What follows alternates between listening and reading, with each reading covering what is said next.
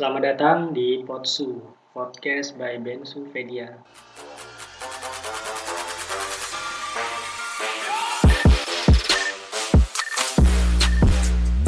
Oke, kembali lagi uh, bersama saya Cak Beni. Halo para Sovedian dan sobat sambat. Di kita kembali di acara Potsu. Hari ini kita masuk di segmen In Kolaborasu. Kebetulan uh, aku kedatangan tamu yang spesial, keren juga. Ini dia lagi study sama enjoying life di Australia.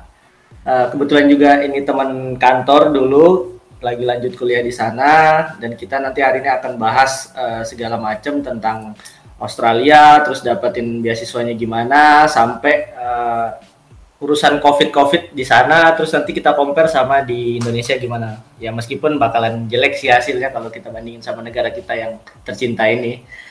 Oke, okay, uh, langsung aja, nggak perlu panjang lebar. Kita panggil uh, Luh Putri Atiani. Halo, Bulu. Hai, hai, hai, hai, Cak Beni.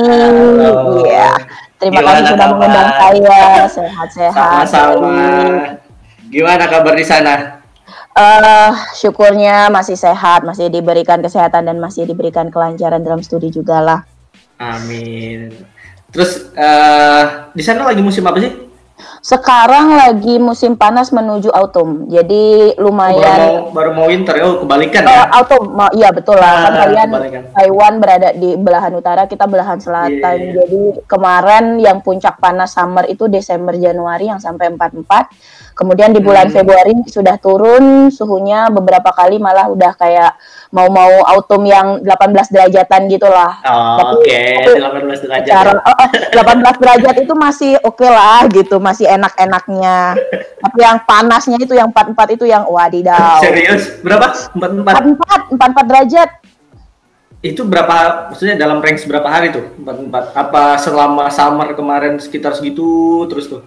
tidak tidak ada beberapa hari yang memang kayak empat empat terus sisanya misalnya 40 waktu uh, rasanya terendah selama summer itu 38 38 paling rendah Iya, 38 paling rendah dan menurut teman-teman senior yang udah lama tinggal di sini, uh, ini belum heat wave loh. Kalau heat wave tuh berminggu-minggu 44 derajat siang malam.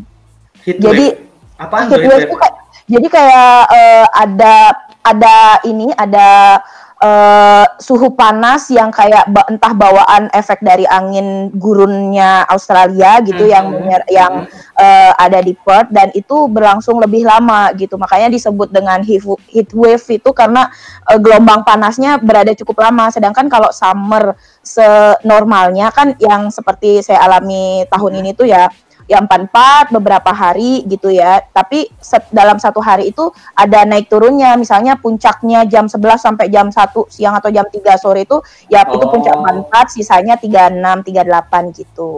Ya lumayan juga sih kalau 36 sama 38. Iya lumayan, lumayan jadi sering mandi ya.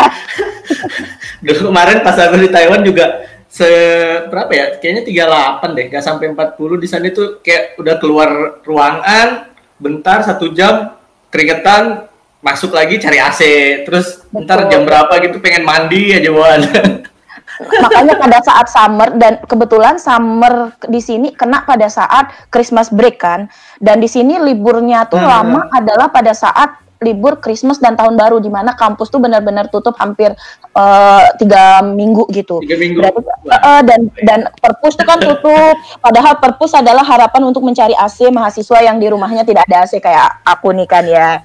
Terus Serius akhirnya. Gak pakai AC? Enggak di rumah nggak ada AC, adanya fan doang sedih sih.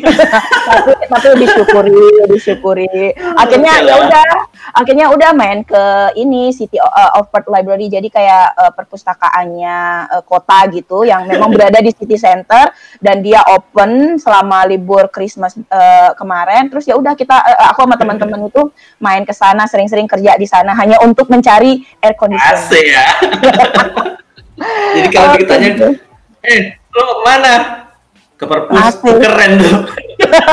Padahal di balik itu background alasan sebenarnya adalah ngasih ngajak Yoman. Oke oke nanti nanti kita bahas itu ya lebih detail yeah, yeah, yeah, di bagian yang uh, live gimana ya. Oke deh uh, sebelum gitu kita pengen kenalin dulu nih ke teman-teman yang uh, yang dengar sebenarnya Bulu ini lahir di mana, terus dulu sekolahnya di mana, sampai akhirnya kerja dan sekarang lanjut studi di AUS itu perjalanannya gimana sih? Mungkin ya singkat aja lah bisa di, di, dikasih tahu ke teman-teman. Oke, baik teman-teman, nama lengkap saya Lu Putri Atnyani di kampus uh, eh, S1 dulu dipanggilnya Putri, kemudian pada saat hmm. udah bekerja dipanggilnya Lu, Bulu, BL, LPA, wah banyak lah namanya akhirnya. Uh, saya aslinya Bali, tepatnya itu di Desa Banyuatis. Jadi kayak kalau teman-teman yang sudah pernah berkunjung ke Bali, tahu tempat wisata Danau Bedugul gitu ya atau Danau oh. Twin Lake di Bedugul. Nah, rumah saya kurang lebih 30 menit dari sana. Jadi uh, terletak di Bali Utara. Saya SD, TK, SD, SMP, SMA semua di rumah gitu, maksudnya di Desa Banyuatis. Kemudian Masih kuliah, kental ya Balinya ya. Iya, Balinya kental banget dan pertama kali uh, jauh dari orang tua dan langsung merantau beda pulau itu waktu saya S1 di Teknik Kelautan Institut Teknologi 10 November Surabaya. Jadi uh, sebelumnya saya sebenarnya uh, belum ada keinginan untuk sampai merantau ke jauh gitu. Kemudian pada saat kelas 3 SMA dapat tawaran beasiswa dari Sampurna hmm. Foundation scholarship gitu. Mungkin ada hmm. uh, Pak kalau Mas Benny uh, tahu ada Pak Andika uh, Kajur JST oh, yeah, JST yeah. apa jurusan Iya, saat saya satu batch sama Pak Andika yang ketemu pada saat masih kelas 3 SMA gitu. Jadi uh, saya dapat beasiswa, beasiswanya tuh beasiswa Sampurna Foundation ini kampusnya tertentu hanya lima kampus yang besar di Indonesia UI, ITB, UNER, ITS dan uh, Unpad ya kalau tidak salah ya. Jadi ada cuma oh, okay. cuman lima doang dan saya udah memilih uh, ITS dan lebih tepatnya ke teknik lautan karena jurusannya juga spesifik sih beberapa uh, yang ditawarin. Kemudian habis uh, eh, S1, sa jadi sambil saya S1 dulu semester-semester akhir, saya magang di LPPM ITS karena Uh, karena waktu jadi udah, itu udah aroma risetnya udah kerasa nih ya. Iya, jadi jadi waktu semester uh, 6 7 8 itu semester, mulai dari semester 6 itu saya ditawari jadi asisten dosen yang kebetulan uh, nama dosennya almarhum Yusuf Sutomo. Beliau salah satu pemegang uh, pusat uh, di LPPM ITS karena saya menjadi asisten beliau di perkuliahan yang kayak uh, kalau beliau sedang ada meeting atau tugas luar saya menggantikan. Kemudian kalau ada tugas saya membantu memeriksa ya kerjaan asisten dosen di ITS zaman dulu lah ya. Kemudian uh, akhirnya saya juga diperbantukan di LPPM ITS waktu itu yang uh, memang berhubungan dengan bisnis di bidang uh, ocean engineeringnya di bidang teknik lautannya. Kemudian uh, waktu saya lulus S1, saya dapat tawaran dari ITS untuk melanjutkan S2 tanpa bayar. Jadi nah. jadi S, akhirnya S2-nya eh, boleh tahu nggak uh, S2-nya jadi beasiswa dong? beasiswa beasiswa jadi uh, kalau mungkin Mas Benny masih ingat kalau zaman kita dulu kalau ada yang mahasiswa yang kumlot itu dapat uh, reward dari ITS untuk lanjut mm -hmm. S2 tanpa bayar biaya administrasi apa pun dan bisa langsung masuk tanpa tes jadi saya memanfaatkan itu Mas jadi uh, cum laude terus dapat tawaran beasiswa ini langsung gas aja berarti oh, ya, langsung, langsung gas. Karena kalau bisa diuangkan sih wah. Nggak nggak jadi kan akhirnya bonus. Ya, kan itu nggak bisa ya, ya. Nggak jadi emang uh, emang waktu itu sudah ada niatan untuk menjadi dosen sih ya di akhir-akhir perkuliahan S1 tuh udah semester akhir pada saat menyelesaikan skripsi ke arah mana nih ya. Sebab waktu itu sih kebenarnya ada keinginan untuk ah oil and gas gitu ya kan. Ya, kalau teknik lautan ya, kalau teknik lautan arahnya ke sana ya. Oh, duitnya gede bro, cuan, cuan. pasti pengen kerjanya di oil and gas. Terus kemudian uh, diskusi-diskusi sama teman-teman lainnya. Terus kayaknya enak jadi dosen. Apalagi saya merasakan uh, jadi asisten dosen yang sewaktu itu lumayan lumayan juga lah sebagai seorang mahasiswa S1 anak beasiswa hmm. gitu dapat dibayarnya. Apalagi ikut proyek lumayan ya, lumayan. lumayan banget juga. Jadi kayak wow. Sepertinya dosen juga sesuatu yang perlu dilihat ya? gitu. Iya akhirnya ya udah lulus S1 saya uh, lanjut S uh, dua di ITS dan pada saat itu uh, kebetulan uh, bos saya yang Pak almarhum Pak Yusuf Sutomo itu uh, sudah pensiun dari uh, ITS hmm. uh, dan akhirnya uh, bergabung di PT ITS Kemitraan. Jadi PT oh, ITS Kemitraan itu sana ya. Ya, jadi saya dari 2011 sampai 2015 ketika akhirnya bergabung ke Institut Teknologi Kalimantan, saya masih hmm. terus bekerja di PT ITS Kemitraan bersama oh, Bu Anggra ini, yes. Pak Joko Santoso gitu. Bu Anggra ini saya seketika teringat nama itu. Iya, karena beliau adalah bos saya juga, Ibu almarhum Bu Anggra ini. Ya. Jadi begitulah. Jadi uh, sambil saya S2 karena kampusnya juga di Geraha ITS Surabaya gitu ya. Jadi ya satu satu lingkungan kampus lah dengan uh, tempat kuliah saya ya dan diberikan kesempatan juga sama uh, bos saya bahwa kalau kuliah ya udah ke kampus sisanya langsung berada di kantor lagi dan kerjaannya karena waktu itu lumayan padat juga gitu dapat sebagai konsultan di beberapa pekerjaan di bidang teknik lautan. Jadi Nggak ribet itu yang saya lakukan. Lumayan ya lumayan juga ya tapi di satu sisi di mana lagi saya dapat kesempatan ketika saya kuliah tapi sudah bergaji gitu sudah menghasilkan iya kan Cuma, uh, cuman mungkin uh, effortnya jadi agak lebih karena kan jam misalnya berangkat kerja jam 8 sampai jam 4 hmm. gitu di full di kantor. Kemudian kalau saya jadwal kuliah gitu misalnya kan zaman S2 kayaknya kuliahnya nggak nggak seberat kita zaman S1 lah. Kalau yeah. menurut saya sih ya, ketika ya, berat agak, agak kurang dikit lah mata kuliahnya uh, ya. Ya, uh, yang berat itu adalah ketika saya akhirnya menyelesaikan tesis karena itu uh, pulang dari kantor yang jam 5 saya harus nge-lab lagi karena menggunakan komputer yang super power yang ada di lab. Jadi kayak hmm. akhirnya kerjaannya itu adalah uh, office gitu sampai jam 5 terus ke lab gitu sampai sam kadang nginep di lab. Itu itu yang agak beratnya adalah pada saat di akhir-akhir menjelang menyelesaikan uh, tesis. Tapi itu overall itu ya 2014 uh, 2013 sampai 2014 2013. karena saya ini sebenarnya molor molornya sih sebenarnya nggak molor juga ya. Uh, standar uh, kalau S2 kan dua tahun gitu ya, hmm. uh, tapi sebenarnya bisa juga satu setengah. Jadi saya di semester 3 itu sudah ngambil tesis sebenarnya. Jadi udah ngambil tesis, akhirnya tesisnya molor karena ya itu karena ya uh, lumayan bagi waktunya uh, antar kerjaan gitu ya. Terus akhirnya kalau molornya ber, beralasan kayak Ewulu tuh enak sih. Iya, iya sih. Itu karena, sesuatu yang worth it sih sebenarnya. Betul sekali sih bro. Jadi uh, meskipun meskipun uh, teman-teman gitu yang cepat-cepat S2-nya itu kan satu setengah tahun ya. Jadi lulus uh, di September 2013. Saya sendiri uh, lulusnya di Maret 2014 tapi saya tidak menyesalkan itu karena saya masih bekerja dan dapat pengalaman yang luar biasa selama pekerjaan nah, itu. Saya dapat ke ke Vietnam belum belum tentu. Nah benar. gitu. belum tentu teman-teman yang yang dalam tanda kutip lulus cepat ya bisa dapat kesempatan yang sama atau kesempatan yang selevel lah di di di, di saat itu gitu loh. Betul terus dia cepat uh, nganggur juga setengah tahun baru dapat kerja setengah tahun berikutnya kan sama aja. Ya, ya, ya. Makanya saya merasa sangat beruntung sekali uh, waktu itu lulus S1, malah belum lulus sudah kerja kan di LPPM ITS. Sekalinya hmm. pas lulus uh, eh, S1 terus sudah langsung bergabung di ITS Kemitraan yang pekerjaannya lumayan lebih banyak gitu yang dan kesempatan-kesempatan untuk uh, menjelajahi Indonesia melalui pekerjaan itu jadi bisa saya dapatkan bahkan bisa sampai beberapa ke luar negeri karena memang klien-kliennya juga ada yang uh, sempat ke mana aja bu kemarin? Kalau yang apa nih?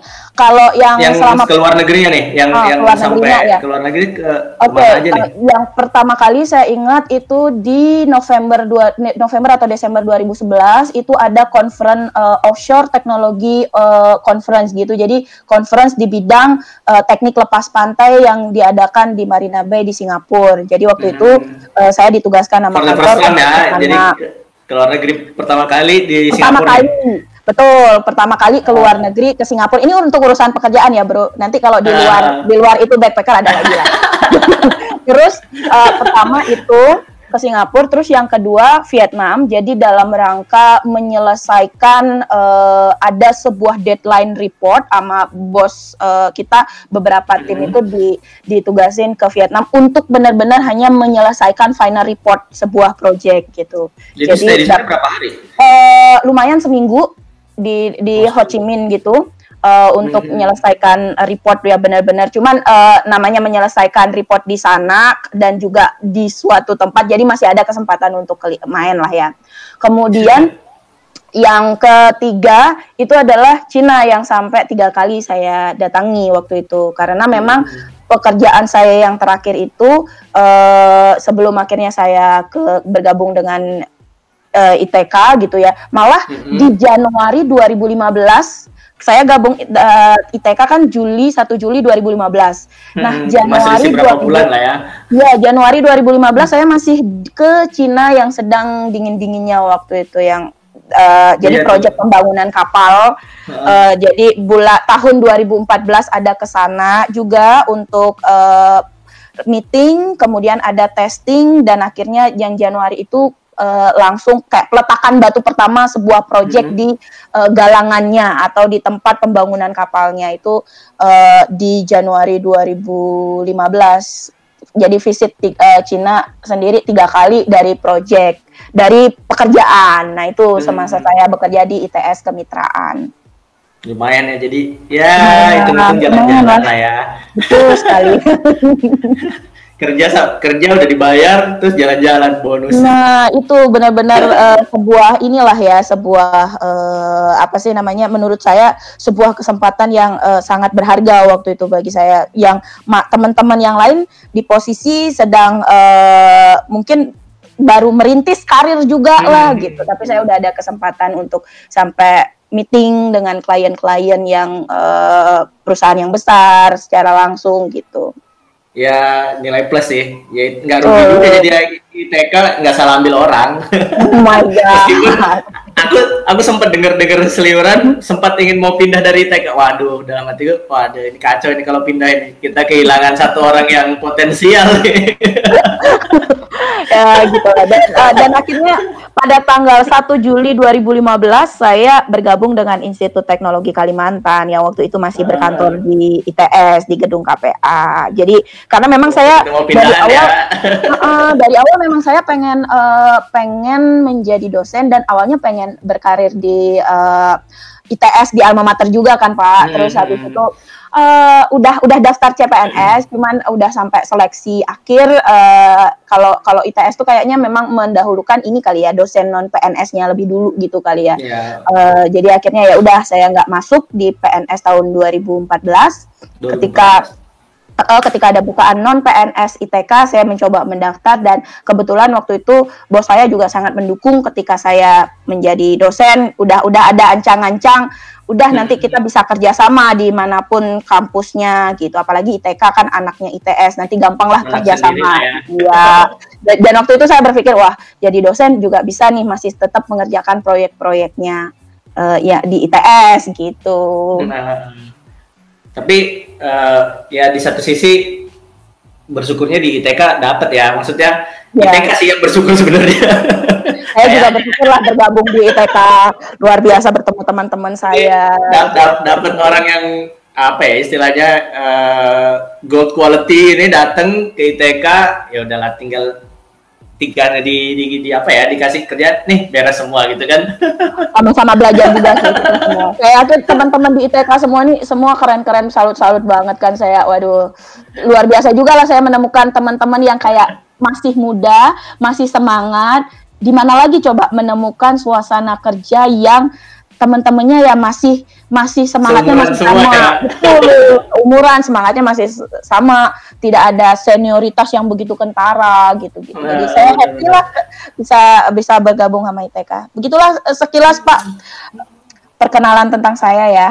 Oke jadi intinya jadi sekarang posisinya jadi di di ITK ya kita bareng-bareng lah ya. Cuma beda prodi kebetulan beda beda jurusan.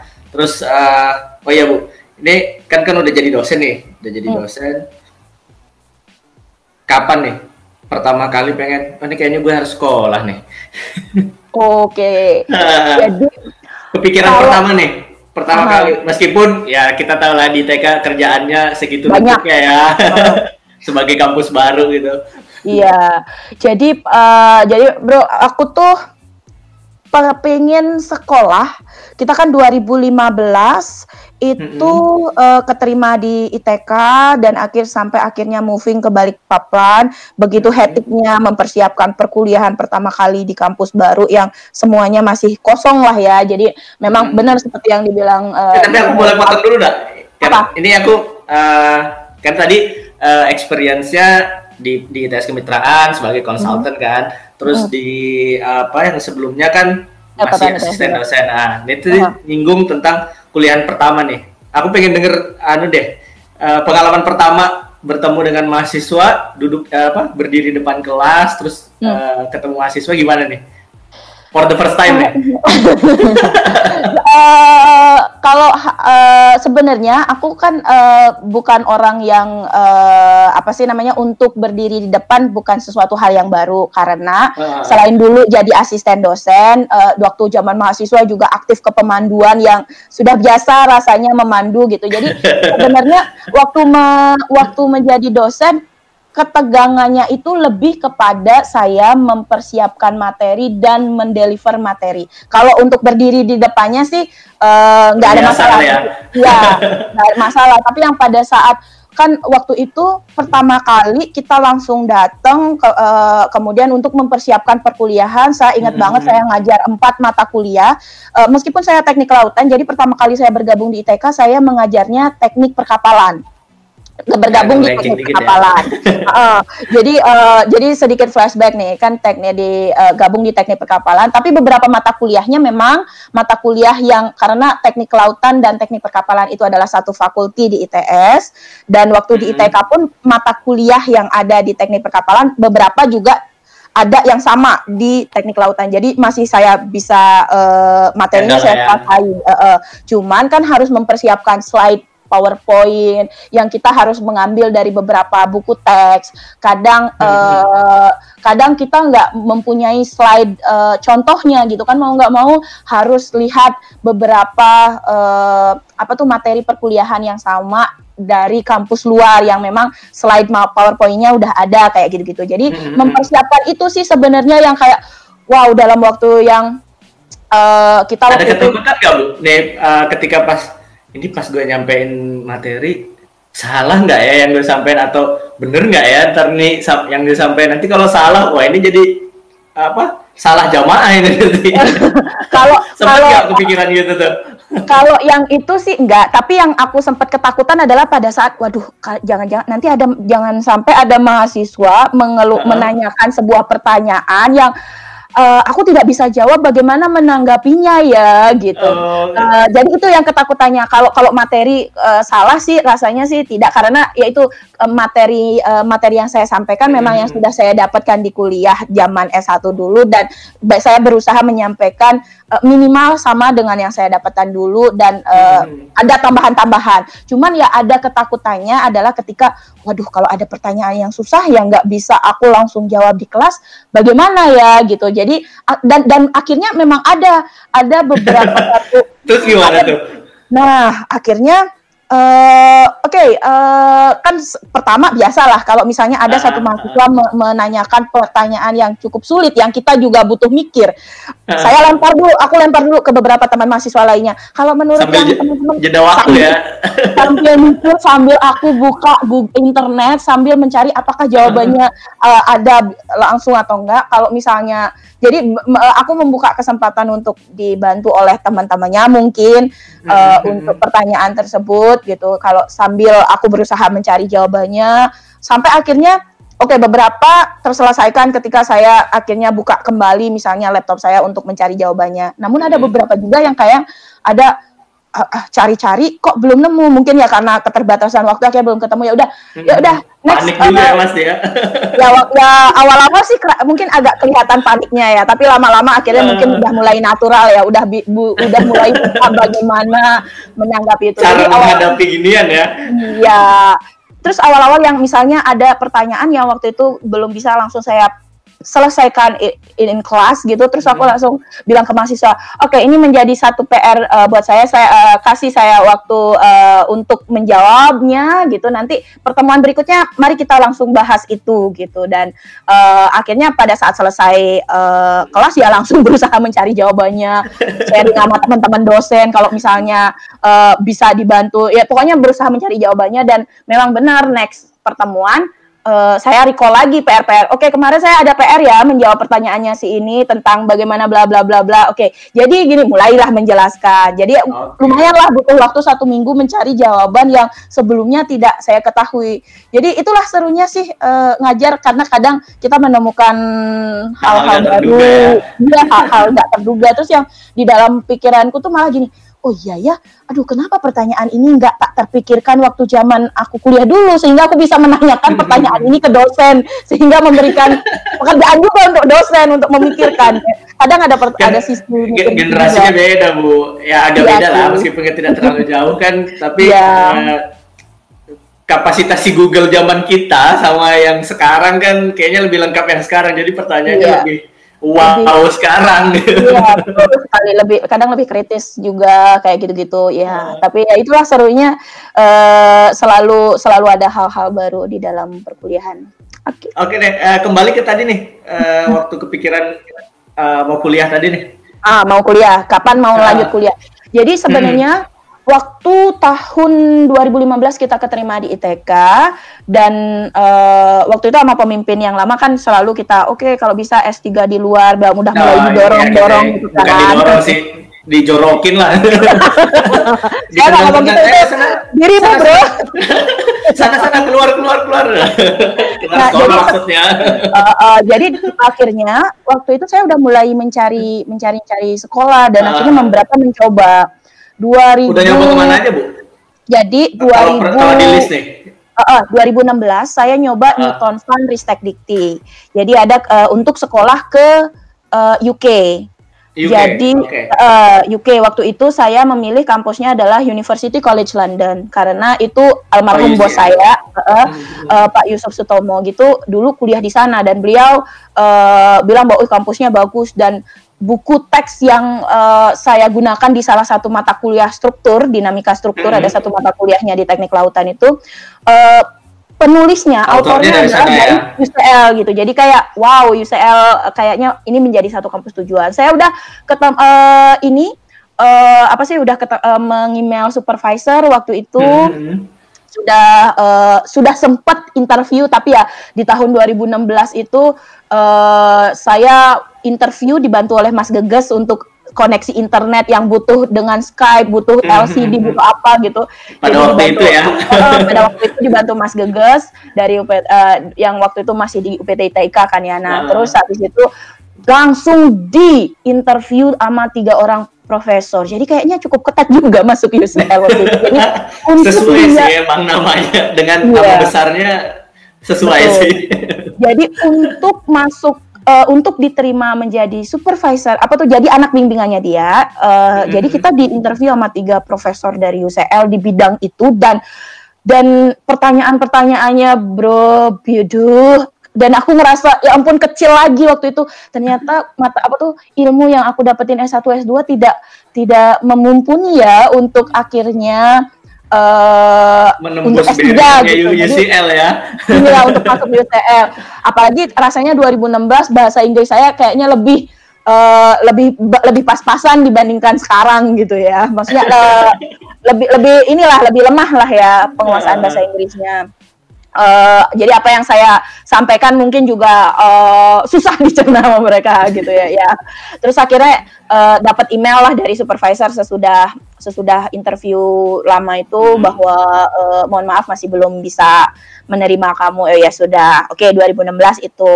2017 saya ikut okay, apply lagi berarti apply lagi tapi sekarang kampusnya ganti. Saya udah ganti. punya uh, uh, udah 2017 itu saya coba tes IELTS sendiri. Mm -hmm. uh, apa tuh namanya dan waktu itu nilainya lima setengah kecil banget sih sebenarnya tapi lima setengah cukup lah itu sebenarnya beasiswa Budi LN ke negara ASEAN ke negara Asia, bukan Ah, Asia, Asia, ya. Asia. Jadi Jepang, Ya, lah ya.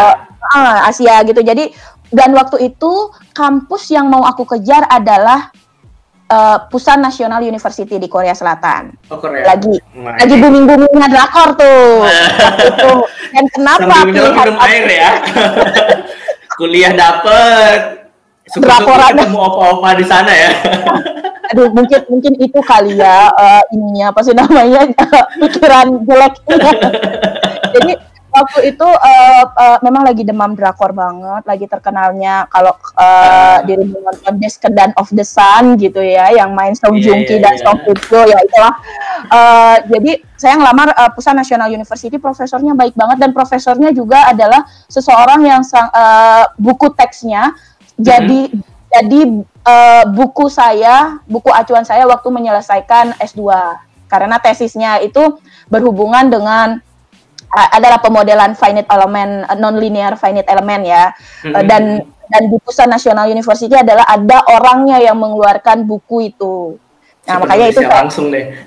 Nah, langsung itu beliau namanya John Kepik dan eh, dan sangat baik banget. Jadi eh, saya minta eh, letter eh, of acceptance dari supervisor itu dapat udah Berarti diberikan udah, langsung. udah udah ready ya, udah udah siap berangkat sebenarnya. Nah, tapi tapi begini pada saat beasiswa Budi L, eh, Budi LN eh, LPDP itu eh kan memang ada ada kepilihan bahwa udah dapat letter of acceptance dari supervisor, Hmm. dari jurusan, dari fakulti atau dari kampus. Itu itu ada opsi. Nah, saya yang Hmm. paling rendah nih karena dapat dari eh, supervisor. Kenapa? Karena kalau misalnya mau dapat eh, apa tuh letter of acceptance dari kampus itu kayak ada biaya pendaftaran gitu loh. Jadi kayak Oh. ikut seleksinya, ikut seleksi kampusnya yang Hmm. ada ada tesnya, terus eh, ada bayarnya, eh, terus untuk bisa mengeluarkan itu. Nah itu kan saya karena masih proses seleksi beasiswa saya nggak ikutin itu dan saya Hmm. dengan berpegangan kepada eh, letter eh, of of acceptance dari si supervisor aja. Nah itu Hmm. untuk yang Budi LN ini tahun 2017 yang saya ikuti udah lumayan Pak sampai tahap akhir. Jadi udah Hmm. awal kalau LPDP itu kan dia pas awal harus langsung tes kesehatan banget tuh yang sampai tes Iya, TB iya, iya. eh, tes mantok segala. Tes itu kemudian ada tes psikotesnya segala sampai akhirnya dipanggil interview ke Surabaya waktu itu saya di di sana Hmm. diwawancara dan itu adalah seleksi tahap terakhir. Nah, tahun 2017 Budi LN cuma mencari 50 orang saja penerima beasiswa. Kuotanya ya pada waktu itu. Kuotanya dan saya jadi cadangan gitu. Jadi belum keterima kecuali waktu itu saya cadangan nomor tiga kalau tidak salah kecuali kalau misalnya ada yang mundur Baru cadangan. bisa masuk. Jadi cadangan bisa masuk gitu Tapi karena memang kayaknya luar biasa apa? Kayaknya kemungkinan untuk mundur dari Budi LN kayaknya kecil deh. Nah itu, tapi kan kita tidak tahu ya. Jadi waktu itu ada, ada list cadangan gitu. Jadi ya udah 2017 Budi LN tidak dapat, tapi dengan berbekal tes kesehatan yang saya lakukan eh, pada saat daftar Budi LN LPDP itu dan juga berbekal Hmm. dengan IELTS lima setengah yang eh, saya udah tes sendiri itu itu Mhm. saya gunakan untuk mendaftar di sumber daya Ristek Dikti program peningkatan kemampuan bahasa Inggris. Jadi Kemenristek Ah. Dikti ada program eh, PKBI. Ah, PKB, Dan- PKB. Eh, jadi menggunakan itu akhirnya saya keterima PKBI. eh, makanya tiga bulan di Jogja akhirnya di UNY untuk belajar IELTS benar-benar fokus untuk peningkatan IELTS ya. Betul, karena memang targetnya eh, PKBI ini adalah untuk do- memfasilitasi dosen-dosen yang bahasa Inggrisnya mungkin masih memen- belum memenuhi syarat. Hmm. Eh, dan akhirnya bisa belajar IELTS intensif sehingga akhirnya saya bulan eh, Oktober itu eh, ok- eh ben- Oktober ya, ya Oktober akhir, November, Hmm. Desember, Januari akhir saya baru balik lagi ke ITK kan waktu itu. Jadi tiga bulan akhirnya dapat belajar intensif IELTS. Jadi kayak Naik berapa itu bu? lumayan naik satu akhirnya dari lima setengah Jadi lima setengah jadi enam setengah. dan untuk Eropa tuh. Dan enam setengah itu kan sudah sangat cukup untuk me- daftar beasiswa dan juga uh, kampus di negara-negara berbahasa Inggris seperti Eropa dan juga hmm. Australia. Nah, di sinilah saya mendapat pertama kali mendengar Australia Award Scholarship. Dulu belum pernah sama sekali. Dulu kan pikirannya pokoknya beasiswa yang Kemenristek Dikti, hmm. beasiswa LPDP aja yang saya tahu kan. Ya, Ternyata di yang di Indonesia lah ya. Ya, ya yang terkenal. Ternyata pada saat uh, di sana saya dapat dibukakan lah oh ada beasiswa Fulbright macam nih ya. evening kalau di UK evening hanya untuk S2 bro. Nggak bisa S3 oh, nggak bisa uh, dia nggak terima S3 ya? menerima S3 kalau chevening uh, dia hmm, hanya S2 hmm, hmm. saja. Aku baru tahu juga nih kalau dia nggak terima S3 Australia Award Scholarship gitu. Dan oh uh, ini ada. Akhirnya saya men, uh, inilah mulai oke okay, next target dengan IELTS yang sudah saya dapatkan ini. Uh -huh uh, saya akan coba ngeplay lah uh, ngeplay ke kampus-kampus gitu dan dan uh, dan kan di PKBI ini bro dikasih dua kali tes IELTS gratis loh jadi lumayan. Uh, kan tes IELTS ya, mahal ya ya lumayan banget tuh di ITEK ini perlu diedit kan nih? ya ya sebut nih aduh aduh maafkan malah. gitu aja kali ya. Oh, iya nanti titip aja ya titip aja ala ala YouTube.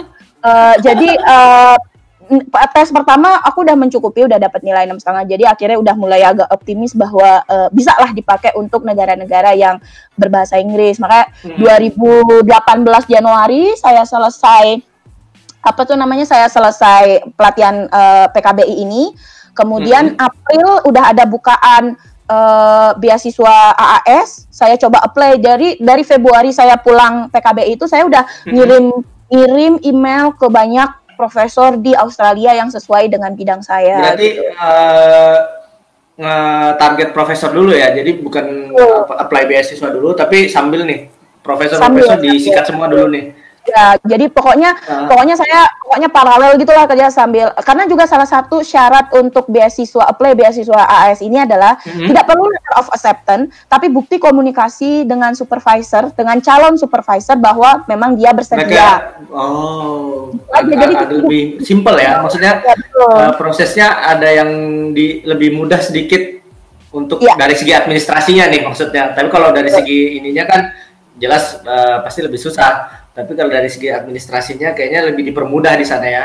Ya, ya, ya. Jadi dengan AAS kita cukup bukti komunikasi. Jadi langsung saya nyebar sebanyak-banyaknya ke profesor ke profesor. Tapi kan mm -hmm. dibaca dulu kan apa research interestnya. Kemudian ya, kita asal tembak aja deh. Enggak lah. Jadi saya, ya biasalah kata-kata kata-kata di awal. Oh saya membaca di paper Anda. Hmm. Ada yang membaca.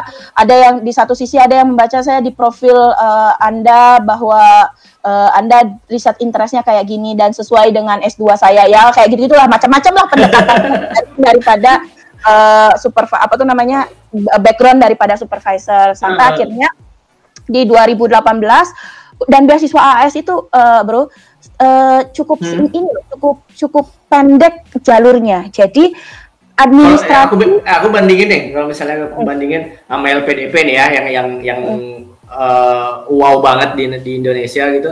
Kira se, sepanjang itu kah atau lebih pendek? Tidak, tidak jauh lebih Kalau, pendek. Kan 2017 aku ngelamar LPDP kan dan uh, hmm. Budi LN LPDP. Jadi Budi LN hmm. yang dikelola kerjasama sama LPDP dan 2018 aku ngelamar AAS. Jadi akhirnya bisa compare keduanya dari segi tahapan-tahapan. Nah, kalau hmm. AAS jadi satu satu tahap satu adalah administrasi yang hanya ngupload-ngupload dokumen di websitenya dia. Hmm. Kemudian habis itu langsung tahap dipanggil untuk wawancara tes IELTS gitu dan hmm. langsung udah pengumuman. Oh, Jadi iya, kebayang cuma ada ya? seleksi administrasi dan wawancara. Udah cuma dua itu saja. Wawancaranya yang... berarti uh, conference, video, uh, video call. Agak dipanggil semua ke Jakarta. Oh, Atau, jadi, uh, semua... jadi waktu itu ditanggung mereka gitu betul ditanggung mereka dan pesawat ekonomi Garuda dan juga uh, biaya nginep akomodasi selama misalnya di Jakarta hmm. gitu. Padahal itu, itu baru kandidat ya istilahnya ya. Baru kandidat dan itu dua kali uh, jumlah kuota. Waktu tahun 2018 saya ngelamar AAS itu kan 300 hmm. kuotanya. Jadi uh yang dipanggil yang dipanggil itu adalah 600 orang. Nah, beasiswa oh. AAS itu kan uh, S2 dan S3 dan kuota hmm. S3 itu lebih sedikit cuma 15%. Jadi di zaman tahun 2018 hmm. uh, waktu saya daftar itu yang diterima untuk uh, PhD S3 itu adalah hmm. cuma 45 orang kursinya. Hmm. Nah, Nah, yang dipanggil berarti 90 orang karena hampir dua kali dari kuota yang dipanggil untuk seleksi untuk wawancara.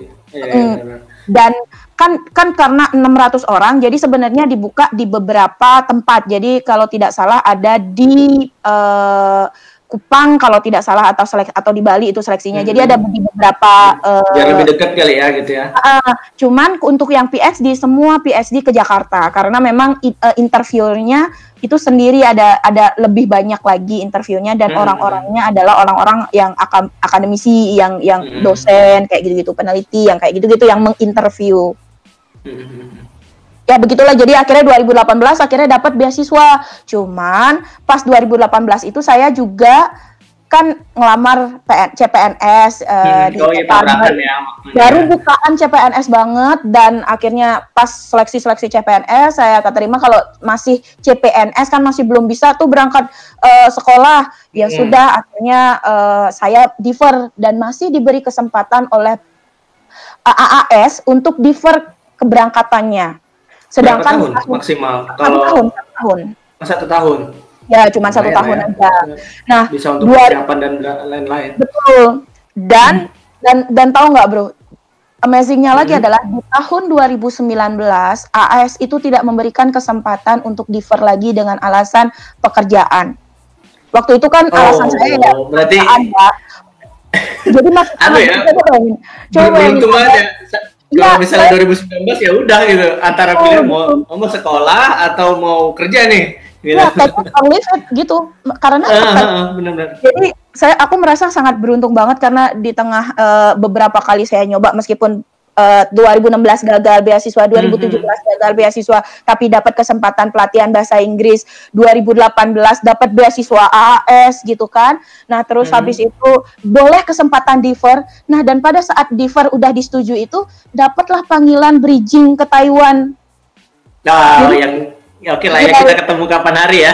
Betul, yang kita ekspor Taiwan bareng itu. Jadi dan dan itu adalah dan itu adalah kayak uh, beberapa temen uh, beberapa orang yang uh, nilai IELTS-nya sudah cukup jadi enam setengah gitu diberikan mm -hmm. kesempatan untuk ke beberapa negara yang menjadi tujuan uh, S3 yang kerjasama dengan Ristek Dikti salah satunya mm -hmm. adalah Taiwan. Nah ada teman-teman sesuai dengan program studinya ke Coventry itu biasanya teman-teman oh, yang ya. arsitektur ya UK terus ada juga mm -hmm. yang ke Auckland uh, yang teman-teman bahasa yang uh, teaching bahasa gitu. Jadi hmm. ad, dan yang engineering science itu dapatlah ke Taiwan. Nah, di beberapa kampus di Taiwan. Nah, itu hmm. jadi 2018 saya sebenarnya udah dapat beasiswa AS cuman defer karena masih CPNS, eh hmm. dapat panggilan untuk bridging ya ampun kayak kayak keberkahan bikin nomplok ya.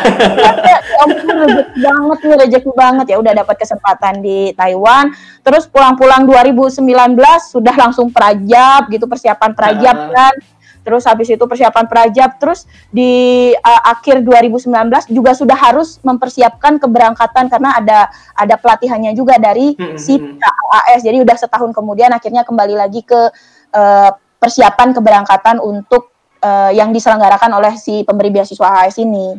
Itu Itulah. Boleh tahu di mana sih? Di di Australia di mana? Kalau saya sekarang. Uh, kampusnya kampusnya di mana? Kampusnya namanya University of Western Australia, lokasinya di kota Perth, di... Australia Barat. Perth, Perth, oh Barat ya, oke okay, oke. Okay, ya okay. Australia Barat. Jadi kalau kalau ngelihat peta peta Australia, jadi du, uh, sepertiga bagian Australia itu adalah punyanya Australia Barat, tapi penduduknya uh, sekali. Jadi mereka rame itu banyak kan di Eastern Side, jadi kayak Sydney, Melbourne, Victoria yang kayak begitu. Uh, tapi, uh, tapi uh, Western Australia tuh paling kaya karena banyak mining, banyak oil and gas, oh. uh, namanya yeah, kila yeah. Uh, tempat ngebor minyak dan gas. Hmm. Uh, state kaya lah Western Australia sebenarnya. sebenarnya ya, tapi orangnya nggak nggak terlalu rame gitu. Iya, nggak terlalu banyak. Gitulah akhirnya. uh, tadi yang beasiswa tadi hmm? um, ngambil masuk ke sana itu langsung nembak universitasnya atau setelah dapat uh, scholarshipnya baru kita nentuin ini lo mau ke mana nih mau ke uh, kampus mana ke sini atau ke sini atau kita udah bawa duluan nih saya pengennya ke sini oh, oke okay. pas proses beasiswa tadi jadi pada saat uh, yang tadi kan cuma ada dua seleksi beasiswa uh, dari selek hmm. step di uh, AAS ya satu administrasi hmm. dua wawancara. Nah pada saat administrasi itu kita sebenarnya sudah menentukan kampus. Nah untuk hmm. saya sendiri uh, PSD kan tentu saja tergantung daripada supervisor yang waktu itu akhirnya nge-approve uh, yang mau menerima saya menjadi oh, uh, anaknya iya. kan. Nah, uh, waktu itu saya dapat tiga supervisor dari pertama dari UWA tempat saya sekarang, kemudian ada dari Queensland University of Technology dan juga dari Curtin University. Jadi ada ada tiga uh, ada tiga supervisor yang sudah oke. Okay, jadi akhirnya tiga-tiganya itu saya hmm. karena ada opsi satu, opsi dua, opsi tiga.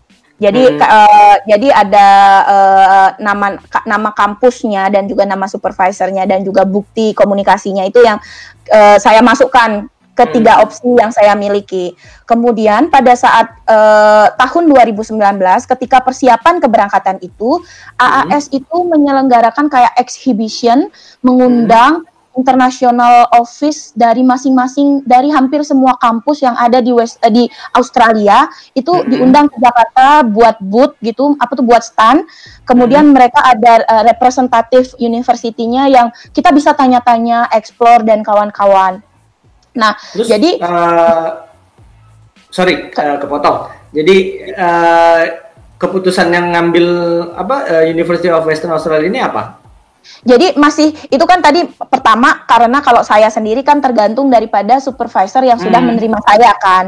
Hmm. Jadi supervisor yang sudah menerima saya ada tiga nih awalnya dan waktu hmm. dan waktu kan, saya uh, ada uh, tiga terus uh, uh, dari tiga itu kok kok akhirnya aku, ini uh, gitu akhirnya ya. ambil yang ini nih gitu. Oke jadi waktu itu kan ada ada standnya kampus uh, QT, ada Kertin, hmm. Ada UA, jadi sempat diskusi lah juga dengan uh, representatif universitinya itu, jadi nanya-nanya, hmm. nanya-nanya gitu dan, nah akhirnya memilih UA karena satu dia itu termasuk uh, top 8, jadi 8 oh, kampus besar di Australia. Di Australia ya. Ya, di Australia hmm. dan salah satunya untuk Australia Barat diwakili oleh University of Western Australia. Itu yang pertama hmm. alasannya. Terus yang kedua, uh, dibandingkan uh, suasana dibilang sama si representatif unifnya itu kampusnya hmm. sangat sambil ditunjukkan video-video kampus jadi suasana hmm. kampusnya itu sangat tenang sangat cocok untuk sebuah studi bla bla bla begitu terus yang ketiga uh, supervisorku di sini itu ternyata ada project yang kayak uh, projectnya tentang oil and gas banget yang waktu itu berhubungan dengan tesis S2 aku. Tapi ternyata pas aku udah nyampe sini projectnya udah udah selesai sih, udah udah uh, udah urap. Tapi kan akhirnya uh, ini ya tetap aja waktu itu ada keinginan, wah lumayan nih ada project yang dikerjakan oleh supervisor juga nyerempet-nyerempet S2 aku gitu. Hmm, jadi nggak nggak ngulang lagi apa nggak terlalu jauh lagi ngulang belajarnya gitu ya niatnya. Ya, tapi niatnya itu niatnya. tapi kenyataannya nanti beda lagi.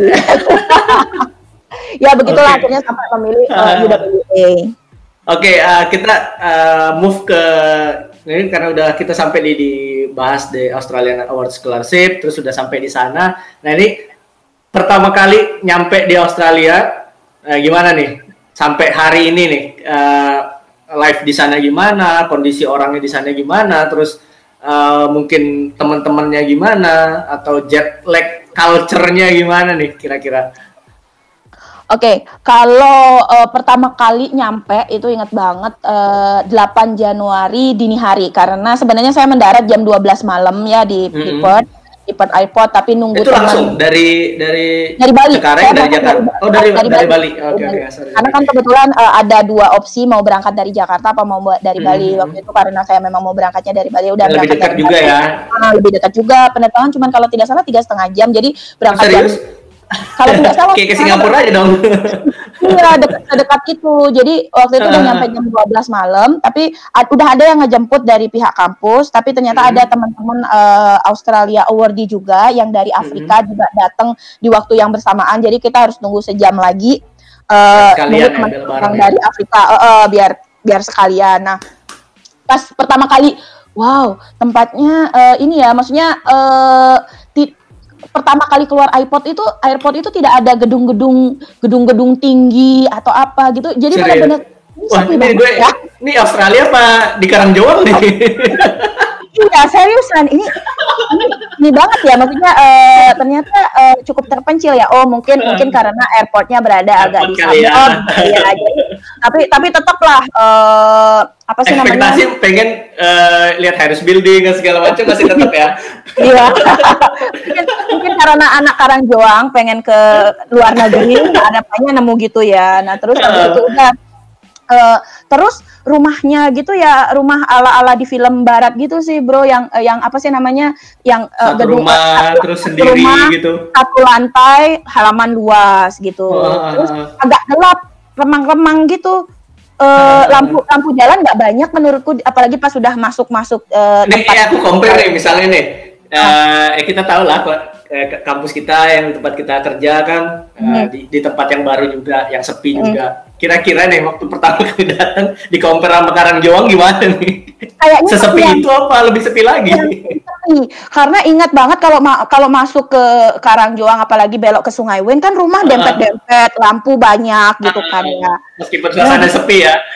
Iya tapi di sini enggak. Di sini kan kayak mereka satu rumah sendiri pekarangan luas gitu ya agak jadi maksudnya ada ada ada space gitu yang luas terus kayak hmm. banyak taman-taman nah kalau taman-taman pas dini hari aku nyampe kan ya remang-remang gelap hmm, gitu kan jadi kayak lebih sepi malah menurutku dibandingkan sungai gitu jadi itulah compare-nya waktu pertama kali Terus ya udah langsung 8 Januari pagi karena pas datang itu bulan Januari lagi summer jadi jam hmm. 4 pagi udah terang menderang. Jam 4 di sana jam jam 4 ya karena summer jam 4 itu uh, udah udah kan udah kalau, matahari terbit. Uh, kalau di ingat kalau di Taiwan itu uh, waktu masih di Taiwan itu jam 5 baru keluar matahari. Meskipun jam 4 hmm. sih udah mulai mulai yang tapi ya, ya, di sana jam ya, 4 udah terang. Jam jam 4 udah yang mulai langit-langit biru gitu belum belum matahari sih. Jadi sunrise-nya hmm. kalau nggak salah mungkin jam setengah limaan. Tapi setengah Uh, uh, ya, jadi aku, ya. ya jam, jam jam empat itu udah kayak bangun gitu karena ya uh, uh, setengah lima itu udah matahari terbit udah mulai jalan-jalan. Uh, suasananya malah kayak di desa gitu ini ini, ini serius deh. Iya jadi kayak wah ini ya uh, jadi kayak sesepi itu gitu. Apalagi pada saat bulan Januari uh, bulan Januari itu kan lagi summer break yang kampus itu di sini liburnya tiga bulan bro jadi jadi mereka selesai yeah. Iya. uh, selesai eksamen benar-benar nggak ada orang berarti di, di, di kampus selama tiga bulan uh, ada tapi staffnya aja terus uh, kayak nah. cuman ya cuman staff misalnya library segede itu staffnya cuma dua orang gitu aja. Oh, iya ini kan uh, mereka Christmas ya di sana benar. Uh, dan uh, dan kayak masih libur Christmas gitu masih banyak yang live live gitu loh maksudnya kayak masih, hmm. masih in holiday lah gitu. Hmm, sama kayak kita di Indonesia waktu Idul Fitri terus di Taiwan. Uh, kalau aku kemarin di Taiwan itu ada Chinese New Year iya. yang liburnya panjang banget gitu kan. Nah itu ini pas Christmas itu liburnya panjang benar-benar kampus sepi. Nah 8 Januari itu uh, karena memang begini bro si be, uh, penerima beasiswa AAS hmm. datang satu bulan lebih awal dibandingkan waktu per, mulai perpindahan. Karena kita ada satu bulan dikasih kayak uh, materi di kelas kayak pelatihan gitulah untuk untuk adaptasi. Jadi untuk culture hmm. understanding hmm. juga dapat selama satu Refreshment bulan. juga kali ya. Betul betul. Jadi benar-benar pengenalan. Malah ada salah satu sesinya udah diajak jalan-jalan ke city ke mana menggunakan public transport sini sini gitu. Hmm. Jadi, Jadi ada ada dikasih tahu duluan nih kalau mau ke sana naiknya bis ini nih yang ini oh, gitu betul, ya. Betul. Ya ya. Uh, nanti, asik ya berarti. Jadi, Uh, jadi uh, saya, saya 8 Januari itu uh, dipanggil gitu ke kampus sama staff dan akhirnya hmm. kenalan hmm. dengan beberapa teman award di Australia dan Australia Award itu kan tidak hanya Indonesia saja. Yang ke UA ke ke yang ke UWA cuma enam orang orang Indonesianya. Uh, sisanya? Sisanya orang Afrika ada juga orang Semua. Nepal, orang Bhutan, hmm. uh, sisanya orang-orang kayak Zambia, Tanzania, uh, Ghana. Oh, uh, tapi dari Afrika ya? Ya ya ya kan. Jadi karena negaranya Afrika dan juga ASEAN gitu kan. Nah, terus Mhm. udah ketemu sama beberapa teman, dikasih tahu bahwa seminggu kemudian kalian akan start untuk mulai pelatihannya. Silakan seminggu ini digunakan untuk eh, mencari tempat tinggal atau eh, misalnya untuk beradaptasi dulu lah gitu. Dan Hmm. yang kalau aku sendiri adalah mencari toko grocery yang jual beras. Itu adalah misi pertama Jiwa Lagi. kita nggak bisa hilang ya. jiwa nasi kita nggak bisa hilang kalau aku sih ya. Eh, datang hari pertama ke kampus yang tanggal 8 itu kan diajak udah ke kantinnya kampus. Ada ada Ah. satu Jadi kantin, aku tanya dulu nih, di, di kantin bener-bener nggak ada nasi nih. adanya fish and chip. Di sini kentang goreng doang. Oke, Kalian itu bukan makan buat kita ya. Aduh, kalau aku mah untung aku bawa Indomie udah sarapan Indomie double jadi udah Siap, lumayan. siap, siap. Teman-teman pada belanja pada belanja gitu makan terus fish and chip. Hmm, hmm. Eh, beneran nih nggak ono sego nih gitu aku udah nyari nggak ada ada Kacau ini. Kayak semangan nih gitu. Iya. ya mending gak mangan wes gitu daripada cuman, cuman fish and chip dan tahu nggak Eh. kalau di Indonesia beli fish and chip seenggaknya ada kayak misalnya McD, KFC kan ada saus yang tersedia gitu ya ini Ah. saus tuku mana cili tuku mana berapa sen gitu Jadi saus itu dibeli. saus itu dibeli jadi makan di mana pun tidak ada Oke. saus Berarti harus selalu botol berarti. Aku pernah gitu kan ad- memang ada temanku yang "Eh, oke kita nanti jalan-jalan yuk ke salah satu kota pelabuhan yang dekat kampus gitu Ah. gitu yang terkenal fish and chipnya gitu Ah. ada apa namanya gede dan eh, harga Ah, sorry. Apa tadi fish and chip? Jadi ikan sama kentang doang gitu. jadi iya kentang goreng sama ikan tepung Ah. goreng tepung udah itu i- itu adalah makanan mealnya nih. Satu mealnya cuma kentang sama ikan doang. Yes yes yes jadi makanannya chip. orang-orang pada chip terus kalau nggak lupa bawa saus kan kering kerontang lah mulut Untung waktu itu pas eh, diajak main ke kota pelabuhan dan ada rencana fish and chip beli-beli fish and chip aku udah bawa eh, ini sambal ABC udah selamat lah lumayan ada ada ada rasa rasanya Ada rasa-rasa ya. eh, sorry. Aku tanya, kalau di sana eh, taste-nya gimana? Kalau misalnya kan kayak di Indo kan eh, flavornya itu ketara banget. Terus kalau di Taiwan kan anyep banget gitu. Nah, kalau di Australia gimana? 11-12 sama Taiwan karena kan aku beli Ah, ah. Indomie eh, apa tuh eh, Indomieku udah hab- udah habis stoknya mau nggak mau aku ah, beli ah. lah ke toko Asia ya toko Asia ada Ah, Indomie. Eh, tapi micinya tidak semaknyus Indonesia punya Berarti- rasa Eh, Indomie sama kayak di, model di Taiwan gitu ya, yang udah di, direduksi lah tingkat kemicinannya gitu. Betul betul hampir hampir sama dengan eh, menurutku hampir sama dengan Taiwan karena Ah, ah, kita ah. beli kopi pun beli kopi oke gulanya normal gitu ya tetap Ah, aja ah, ah. rasanya eh, kurang manis itu. kurang, manis gitu jadi ah, ya ya mereka kayaknya memang suka eh, yang tidak ti- gula dikurangi Healthy life lah ya. garam dikurangi yang kayak gitu-gitu Terus tadi eh, yang tadi kan udah dikasih seminggu deh. Eh, Terus dapat rumah. ah oke rumah. Jadi jadi ceritanya gini, sebenarnya bulan Desember waktu aku masih ada di Balikpapan mempersiapkan keberangkatan bulan Januari itu aku udah mencari eh, rumah lah ya, eh, inceran rumah gitu. Ada ada beberapa Rumah atau apartemen nih eh, di sana? Kalau di kan kalau di teman-teman yang di UK kan eh, flat gitu modelnya. Terus yang di kayak aku di Taiwan itu juga masih ya kosan lah kalau ibaratnya kalau di Indonesia. Cuma mereka nyebutnya aja apartemen. Kalau Ya. di di Australia gimana? Ya se- eh, sebutannya sama flat studio yang kayak gitu. Jadi apartemen dulu. Ah, ah, Waktu aku bulan Desember itu mencari. Jadi waktu Ah. aku nyari gitu kan ada beberapa website, domain, Gumtree, Apa flat- aja itu? eh, nama websitenya. Ah, ah, ah. Yaitu dom domain.com.au, gumtree.com.au sama flatmate.com.au. Nah, dan kan aku compare eh, yang murah dan benefitnya paling banyak gitu. Nah, ada Hmm, ad- ada banyak sih beberapa sih yang sebenarnya aku sudah janjian, udah kontak orangnya. Oke, nanti aku ke sana eh, untuk visit ke sana gitu. Sekarang Hmm. cuman eh, via ini aja dulu via apa tuh? Oh, bo- bo- boleh ya, maksudnya nggak harus deal dulu. Oh, kita nggak harus, eh, kita masih bisa ada kesempatan. Aku mau cek dulu nih. Oke betul. nggak? Kalau nggak oke, ya aku nggak jadi gitu. Yes, yes. Jadi di sini ada kesempatan Oh. untuk sebelum sebelum mengedilkan sebuah uh, rumah itu kita uh, bisa cek dulu. Makanya hmm. tuh aku hmm. janjian sama orang. Ada nih yang paling lucu tuh yang waktu aku dapat di flatmate uh, housemateku tuh cowok, dia yang offering uh, kamarnya murah hmm. banget 180 180 udah include everything 180 dolar kalikan aja itu berapa tuh? Berarti sekitar satu juta delapan ratus per week. Di ah, sini month ya? Bayaran uh, bukan per week. Oh, Jadi, oh hanya week. Ya di sini itu rumah sangat mahal sewa rumah. Jadi hmm. yang paling yang apa tuh namanya uh, menurutku yang paling murah di daerah kampus sekitaran Western Australia 160 per week.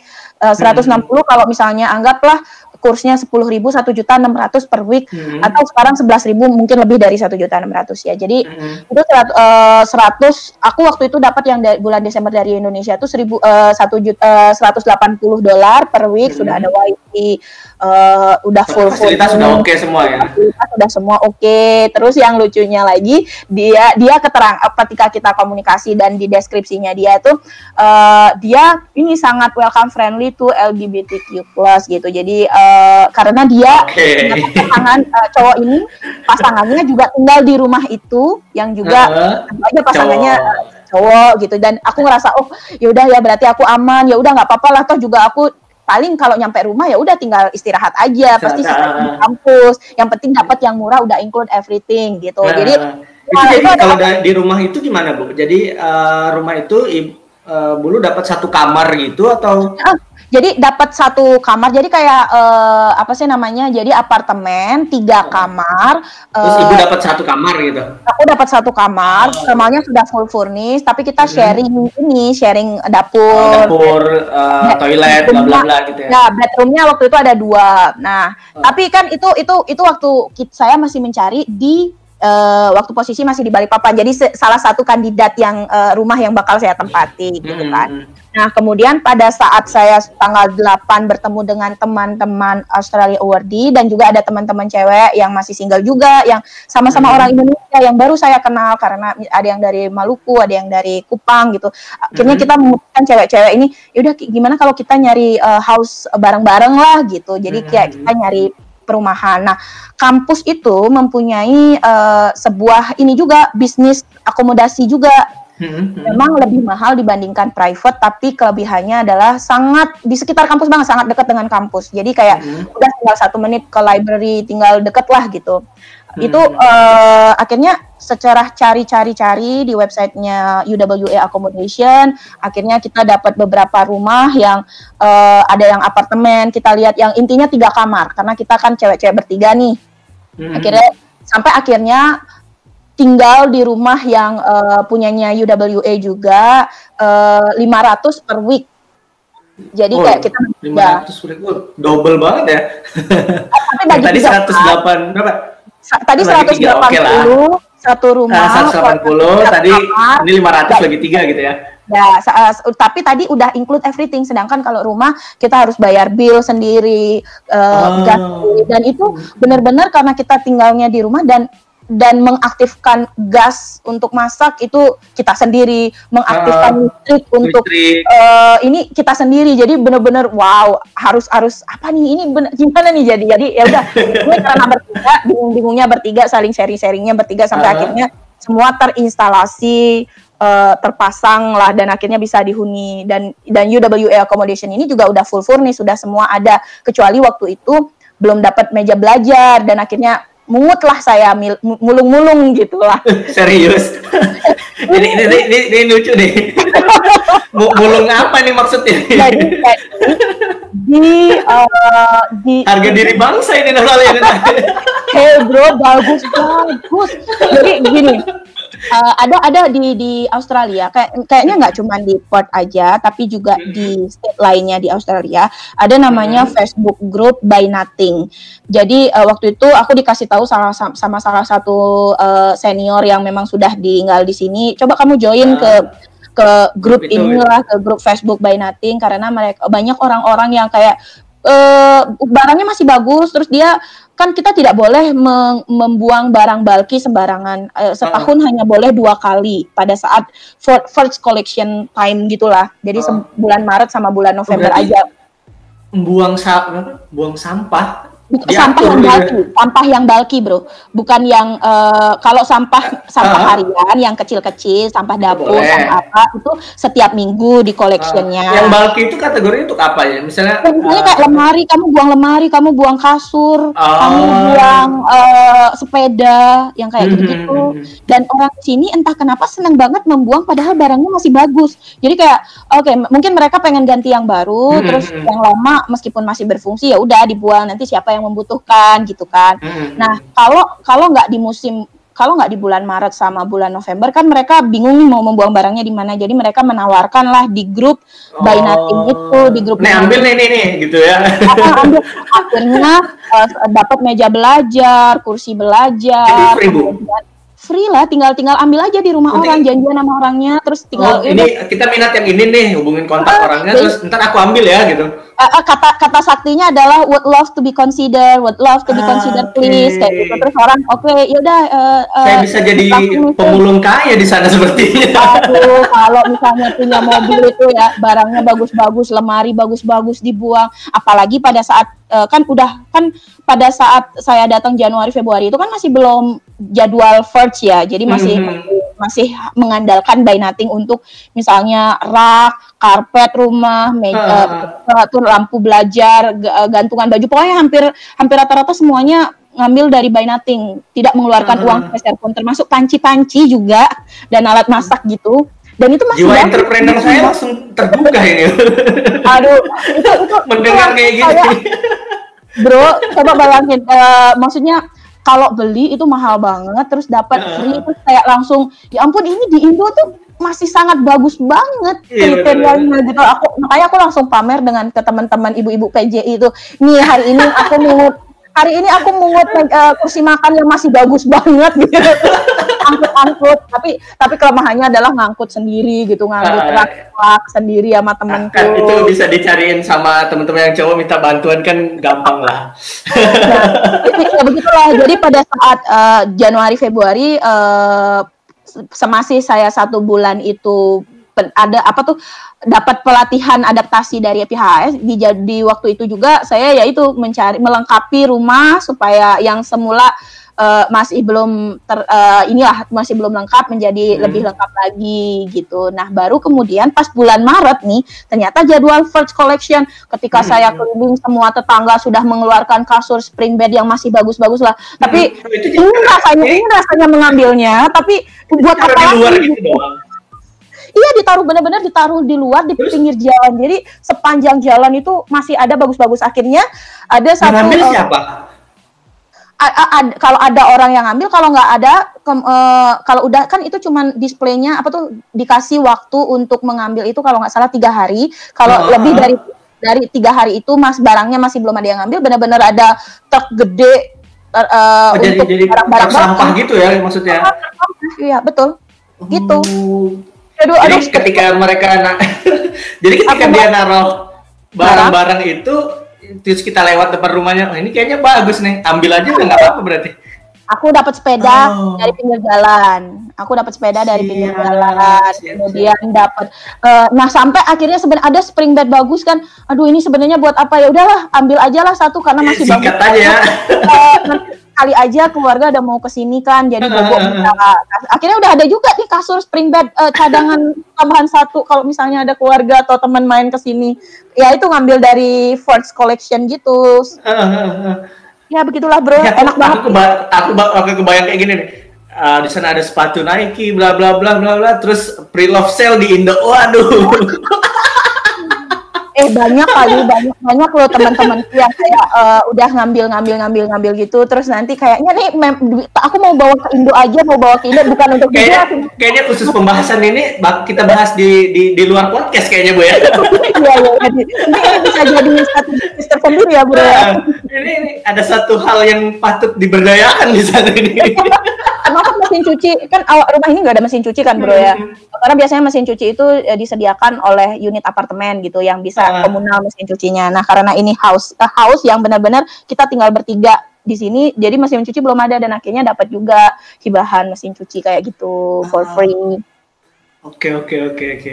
Mhm. Ini ini seru ya? informasi ya? yang seru banget nih. makanya aku penting selalu bilang, bagi orang-orang Indo penting ini. aku selalu bilang ke teman-teman yang mau nyusul aku ke Australia nih, kan ada beberapa Ah. teman yang sudah mencoba untuk daftar AAS, kita bilang gitu.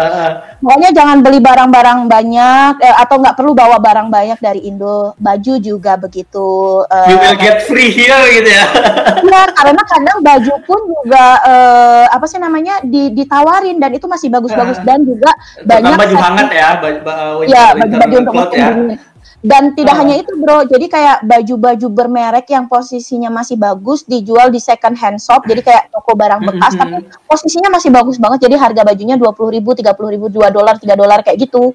Jadi Oh, oh, jadi ja- dan dan ilmu ini sebenarnya aku dapetin pada saat pengenalan eh, persiapan keberangkatan waktu aku eh, persiapan keberangkatan di Jakarta Oh, dan iya, iya, salah iya. satu teacher tentang eh, apa sih namanya culture gitu ngasih tahu hal ini dan sehingga aku pun nggak bawa banyak barang termasuk baju eh, musim dingin kan eh, bulky banget kan ya jadi aku Aha. nggak bawa- aku cuma bawa satu gitu waktu Bener, soalnya kan kalau baju baju winter kan makan tempat lah, habis bagasi gara-gara itu.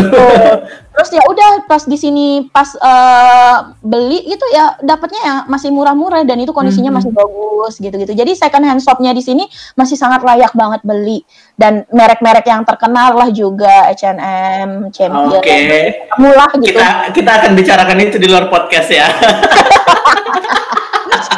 Panjang ini ceritanya bisa jadi. Oke, cerita. next. Eh, kalau nah ini udah sampai kan bulan bulan eh, sampai sana 2019 tadi ya? eh 2020 dong. Eh, Januari. 2020. Nah, Berarti kan 18. udah Covid dong. Belum dong, kan waktu itu maraknya, inget banget nih, maraknya Oh. COVID itu adalah Maret 2020 di Western Oh, di, Australia di ya. sana. Tapi Uh-uh. eh, pada saat yang ya karena aku waktu itu masih di Taiwan kan posisinya dekat banget sama Uh-uh. sama China Ya, kalau kan. di Taiwan kapan Jadi uh, uh, kalau aku waktu itu sekitaran bulan akhir Desember uh, jadi Christmas itu udah udah kacau nih penerbangan udah ditutup semua dan segala macam gitu. Oh, Jadi kalau di oke. sana gimana? Waktu Di- itu, eh, jadi waktu itu belum rame-rame, Januari itu belum rame-rame. Kemudian eh, Februari itu eh, belum ada istilah lockdown-lockdownan, jadi masih Uh-uh. cuma masih kalau eh, kalau eh, penerbangan Penerbangan? dari penerbangan masih nor penerbangan Masih masih normal? normal, masih normal Oh, waktu ya, oke, itu. Februari, eh, Januari Februari. Karena kan Berarti, aku Januari sorry. itu masih aman. Berarti sebenarnya kalau ngelihat misalnya di Perth itu dia mulai uh, covid covidan itu mulai Maret ya. Betul, Maret Nah, Maret 2020. berarti negara kita juga nggak salah juga ya kalau mereka uh, maksudnya uh, covid di Indonesia meskipun di China itu atau di negara-negara yang dekat China sana itu bulan Desember sudah kalang kabut, sedangkan di Indonesia itu baru bulan Maret berarti ya nggak nggak nggak terlalu late juga karena negara-negara lain pun kayak Australia juga di bulan itu baru kalang kabutnya gitu Ya, baru baru mulai kalang kabutnya. Tapi sebenarnya di bulan Februari itu mereka sudah menyerapkan karantina. Jadi buat traveler gitu, terutama yang dari waktu itu karena Oh. supervisorku sendiri, supervisorku kan pertama principal supervisor kan orang Cina. Dia habis Ah. jadi eh, jadi visiting lecturer di eh, di Dalian gitu di Cina dan Waduh. eh, dan satu Februari baru datang eh kalau nggak salah satu Februari baru datang dia harus karantina sehingga baru Ah. balik emailku itu padahal aku waktu nyampe Untung dia bisa pulang ya. untung dia udah eh, ke sini tapi tapi kan dia permanent resident citizennya si ini ya si Australia jadi sih Nggak, masih maksudnya waktu dari dari Dalian tadi untung bisa keluar. ya untung bisa keluar untung bisa keluar jadi ya itulah eh, jadi pada saat ram, eh, pada saat supervisorku datang dia juga udah harus karantina mandiri gitu waktu itu Hmm, udah hmm. karantina selama 14 hari jadi eh, di bulan Januari Februari eh, hanya berlaku karantina bagi eh, eh Januari belum malah Januari belum karena aku sendiri datang kan bulan Januari belum ada apa-apa nih udah nyantai aja Hmm, bulan. Februari start itu mulai ada eh, kayak rame-rame eh, tentang COVID di Australia, mulai Hmm. diberlakukan oh karantina. Puncaknya itu adalah di awal Maret, di awal Maret Hmm. persiapan untuk lockdown selama dua bulan lah. Jadi Maret, eh, awal Maret eh, itu ya. awal Maret. Jadi Oh, lockdownnya berapa? Dua bulan. dua bulan. Jadi eh, aku ingat banget tanggal 16 Maret itu adalah seharusnya meeting pertamaku bersama bersama ketiga supervisor untuk membahas riset proposal. Hmm. Jadi eh, 16 Maret udah harusnya kan meetingnya face to face di di meeting room di Hmm. eh, Eh, office gitu sorry nih kan. Bu, Uh, sebelum kita lebih lanjut ke COVID, aku tertarik tadi karena uh, bahas kuliah.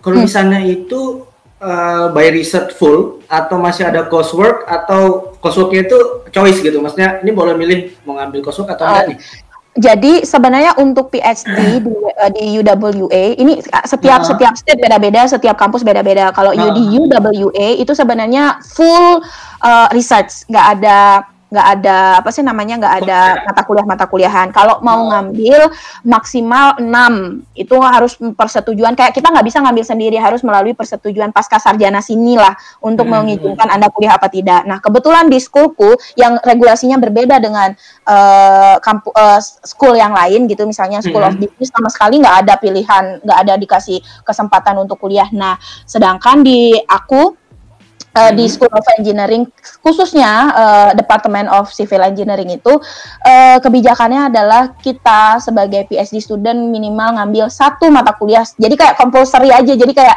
uh, oke okay, yang penting ambil satu mata kuliah. Nah, hmm. salah satu temanku yang uh, dibimbing sama oleh super principal supervisorku, dia ngambil uh, inilah apa sih namanya di ngambil mata kuliah communication uh, in business. Jadi ngambilnya di business school dia. Jadi hmm. hanya untuk meningkatkan komunikasi gitu kan.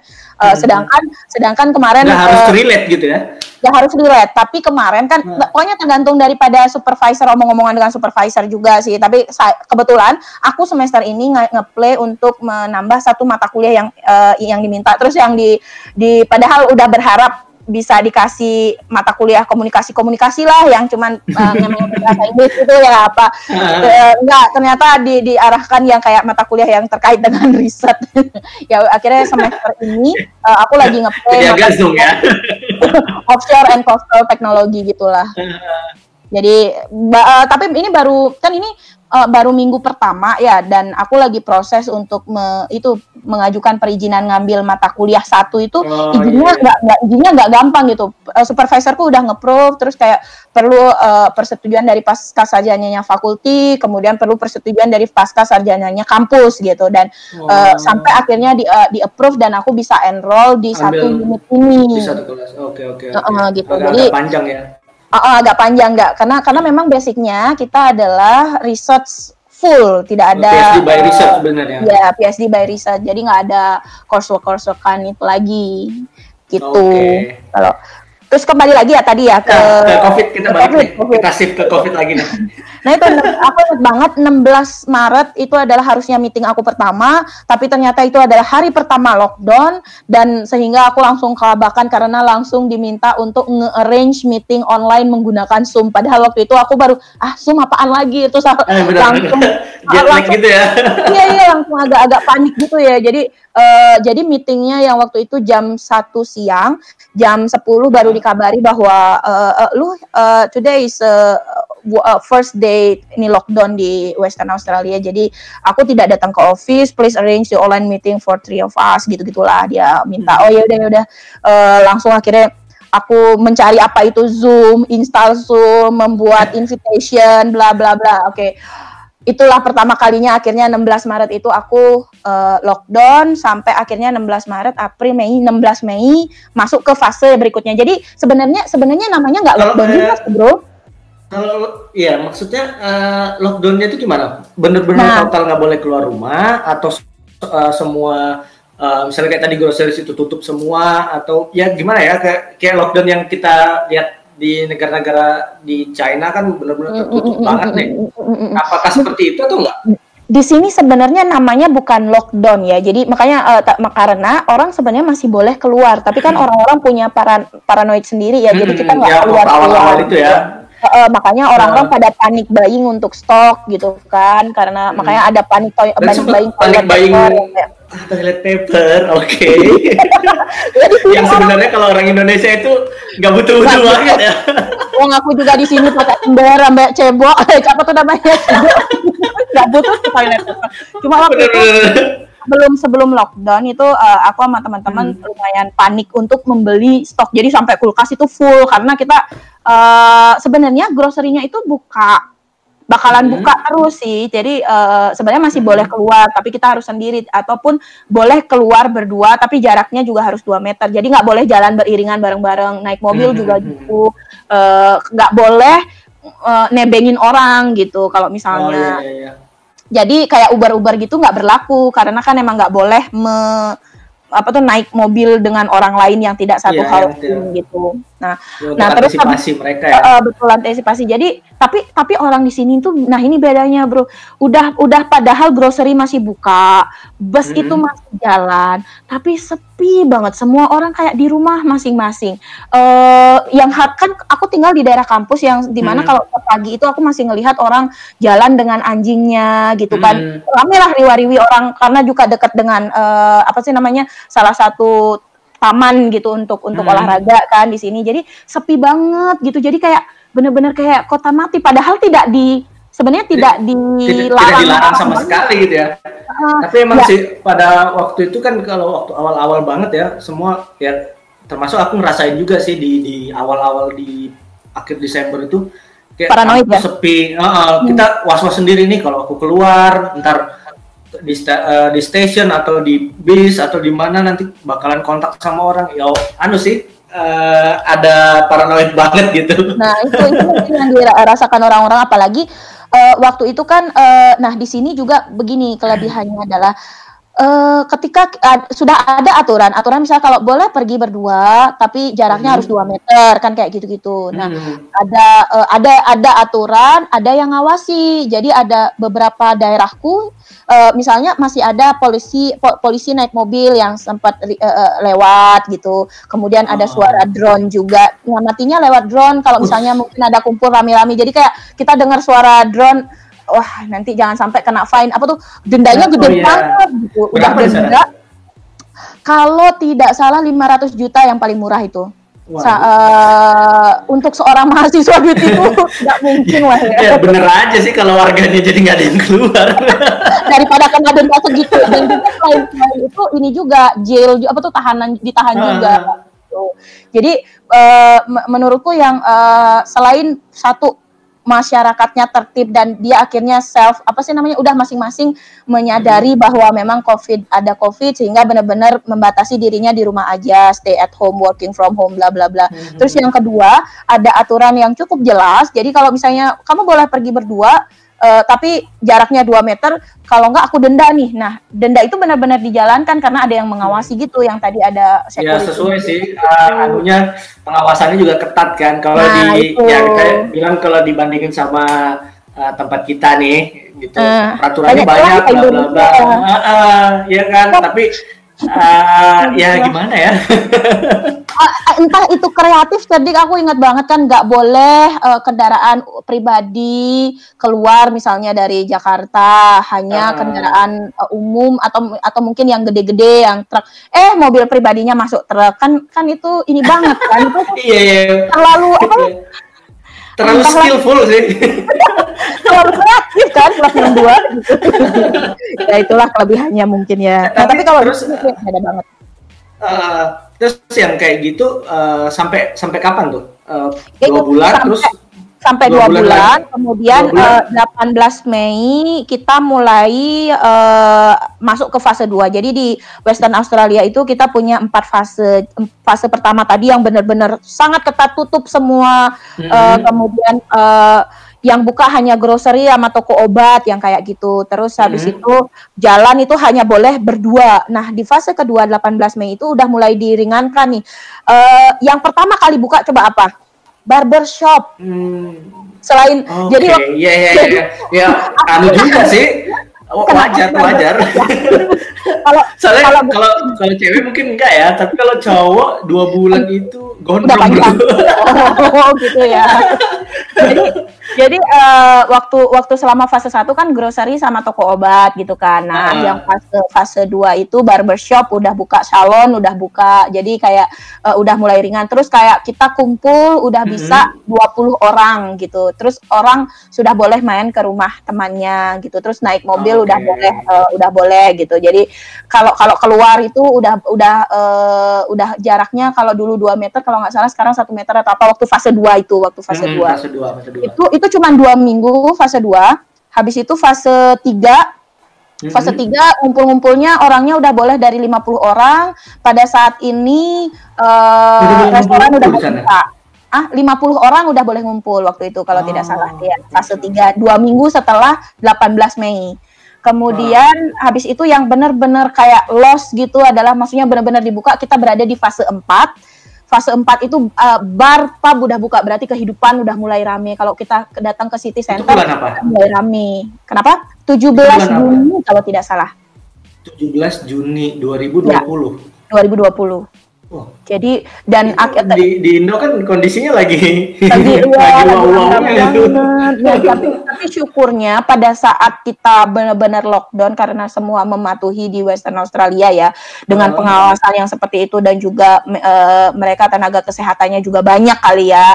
Jadi hmm. uh, sudah tidak ada kasus-kasus baru lagi. Jadi udah nol nol nol case terus gitu ya. Jadi akhirnya uh, makanya kita tang sesuai dengan uh, di awal waktu 18 Maret dulu membuat rencana oke okay, kita hmm. membuat fase 1, fase 2, fase 3, fase 4 itu bakal uh, sesuai gitulah. Maksudnya bakal sesuai dengan uh, schedule. Dan akhirnya di fase 4 itu akhirnya pertama kali aku bisa kembali ke city merasakan apa tuh namanya keramaiannya. Bisa bebas lagi. Soalnya ya. uh, aku cek-cek nih postinganmu di di Instagram ini udah gak ada yang pakai masker ah, nah dan di sini lagi uniknya bro. Dan Asik aku kan banget dan dari awal kita Maret itu ada COVID, tidak ada anjuran untuk menggunakan masker sama sekali. Malah justru kalau misalnya hmm. kita pakai masker gitu kan aku agak worry-worry, aduh pakai buff lah aku keluar gitu. Kadang yeah, malah yeah. diurut orang gitu karena dikiranya kalau kamu sakit gitu ya. ya gitu. Uh, uh, Jadi memang memang karena jadi, tidak ada anjuran untuk menggunakan masker. Sign ya, maksudnya uh, kalau misalnya justru yang di sana yang sakit lah yang yang oh, pakai masker nih sakit gitu. Betul, betul, betul, uh, betul. Jadi kita bisa recognize, wah ini orang pakai masker berarti sakit. Jadi orang ya. yang dalam tanda kutip sehat, dia jaga jarak nih sama dia. Ya. Sama, uh, uh, itu itu itu itu waktu waktu zaman uh, bulan Maret sampai bulan Juni dan sampai akhirnya kemarin ada lockdown lagi gara-gara di Western Australia ada kasus lokal transmission satu dan kena UK strain. Sempat nih, hmm. tapi cuman satu minggu lockdown, satu minggu menggunakan masker, habis itu udah. Terus Jadi akhirnya lagi buka lagi. Jadi aku satu minggu lockdown kan lagi. aja ya. Terus akhirnya satu minggu satu minggu uh, minggu kedua yang harus menggunakan masker gitu lah kalau ke mana-mana. Uh. Terus ternyata pakai masker itu itu pertama kali aku memakai masker loh. Pad, uh, udah padahal udah bawa masker N95 dari Indonesia kan gitu ya. Wow, udah, udah prepare ya. udah prepare karena waktu itu dulu pakai masker sebenarnya untuk bus fire. Jadi waktu waktu aku datang pertama oh, kali kan pakai fire ya. Iya, uh, Nah, uh, jadi waktu itu sedia masker dari Indo untuk persiapan itu dan akhirnya baru pertama kali tak pakai ternyata ngap ya pakai masker terus-terusan oh aduh. keras bu aku pernah uh, bukan bukan masker yang 95 banget ya cuma Tapi, ada masker yang agak agak rapet gitu hmm? jalan itu kayaknya susah banget terus oh. di hidung kan basah ya oh, betul. keringet ya di, di hidung itu nggak enak banget kalau Iya ternyata aku, aku seminggu itu kan kalau ke akhirnya ke office karena juga uh, meskipun di office kita harus menggunakan masker ya dengan orang-orang. Terus uh, aku kan pakai kacamata baca ya kalau ini kacamata embun lah kalau pakai kacamata problem banget kalau pakai masker. Kerja kerja di rumah akhirnya waktu uh, minggu kedua itu karena daripada di kampus sudah jalannya ngos-ngosan karena ngap pakai masker terus akhirnya uh, uh. terus akhirnya aku ganti juga uh, Uniqlo ngeluarin jual masker gitu masker kain uh. dan itu masih diperbolehkan untuk dipakai ya akhirnya aku pakai masker itu yang lumayan lebih apa ya bukan nggak nggak terlalu rapet-rapet banget tapi uh. ya lumayan lah gitu tapi itu cuma di di percaya nggak di di Taiwan itu mm -hmm. waktu kita ini yang kasusnya yang muslim ya mau jumatan mm -hmm. itu kan agak banyak orangnya nih mm -hmm. terus kita pertama belum selama berapa bulan ya wow aku udah udah bukan muslim jadwalnya itu karena nggak pernah jumatan pada waktu itu kan nah jadi uh, karena kita dilarang untuk jumatan terus waktu itu per, dibolehin untuk jumatan terus kita dikasih masker di, mm. dikasih sama kampus lah masker mm -hmm. gitu dibagiin aku kaget dong maskernya itu kertas Eh seriusan? kertas, ya kertas kertas kayak kertas minyak tau gak sih? Yang yeah, ingat yeah, dong yeah. waktu zaman yeah. SD itu kertas yeah. minyak yang warna-warni itu. Nah, ini cuma uh. warnanya putih gitu. Uh. bilang, ini seriusan kertas doang. Ini melindungi nah aku nggak ngerti ya. Cuma kita di, dari kampus nih, dari kampus dikasih masker kertas. Ya mungkin dia waterproof kali ya, droplet proof mungkin yang yang. Mm -hmm. Karena waktu itu droplet ya yang di. ini kertas ini seriusan aduh, aduh. agak lucu ya, sih sebenarnya Tapi kalau di sini uh, untungnya cuma dua minggu itu aja bro yang menggunakan masker. Sesudah uh, itu uh, udah aman. Los banget aman ya. Lagi, aman lagi, los banget. Udah bebas, udah nyanti lagi lah kita bepergian. Uh, terus yang nah, sekarang gimana? Udah nggak, udah nggak pakai masker lagi karena udah selesai, udah kondisi udah aman. Jadi, uh, aku tanya, uh, kasus COVID di sana berapa hari ini? Maksudnya uh, berapa hari terakhir inilah? Udah nggak ada local transit di lagi di Western Australia ya di Western Australia ya jadi satu uh -huh. Februari satu Fe, eh, satu Februari apa uh, Januari akhir ya Januari akhir 20, 2021 2021 uh -huh. Januari akhir 26 gitu ada security guard yang uh, security yang menjaga uh, hotel tempat karantina -hmm. itu kena kena uh, kena COVID, dia awalnya nggak ada gejala gitu, jadi uh, dia udah keliling ke beberapa tempat dan akhirnya pas dia agak ngedrop, dia tes ternyata COVID, itu berarti kan local transmission kan, karena kayak orang hmm. ini udah dari tempat karantina, udah ke mana-mana nah. gitu, tuh langsung dua satu Februari jam 12 premiernya sini. Uh, di Western Australia tuh mm -hmm. mengadakan conference untuk jam 6 sore itu me lakukan start lockdown selama satu minggu ke depan.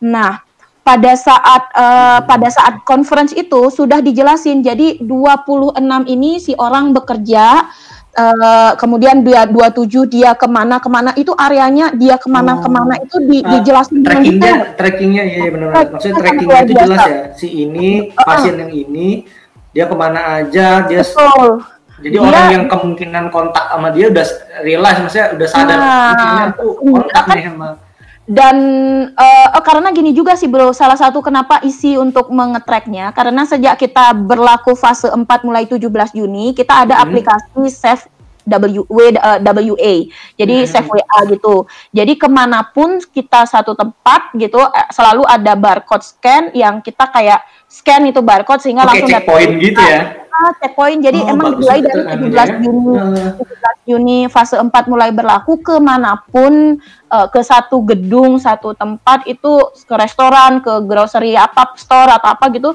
udah harus langsung scan barcode, scan oh, barcode.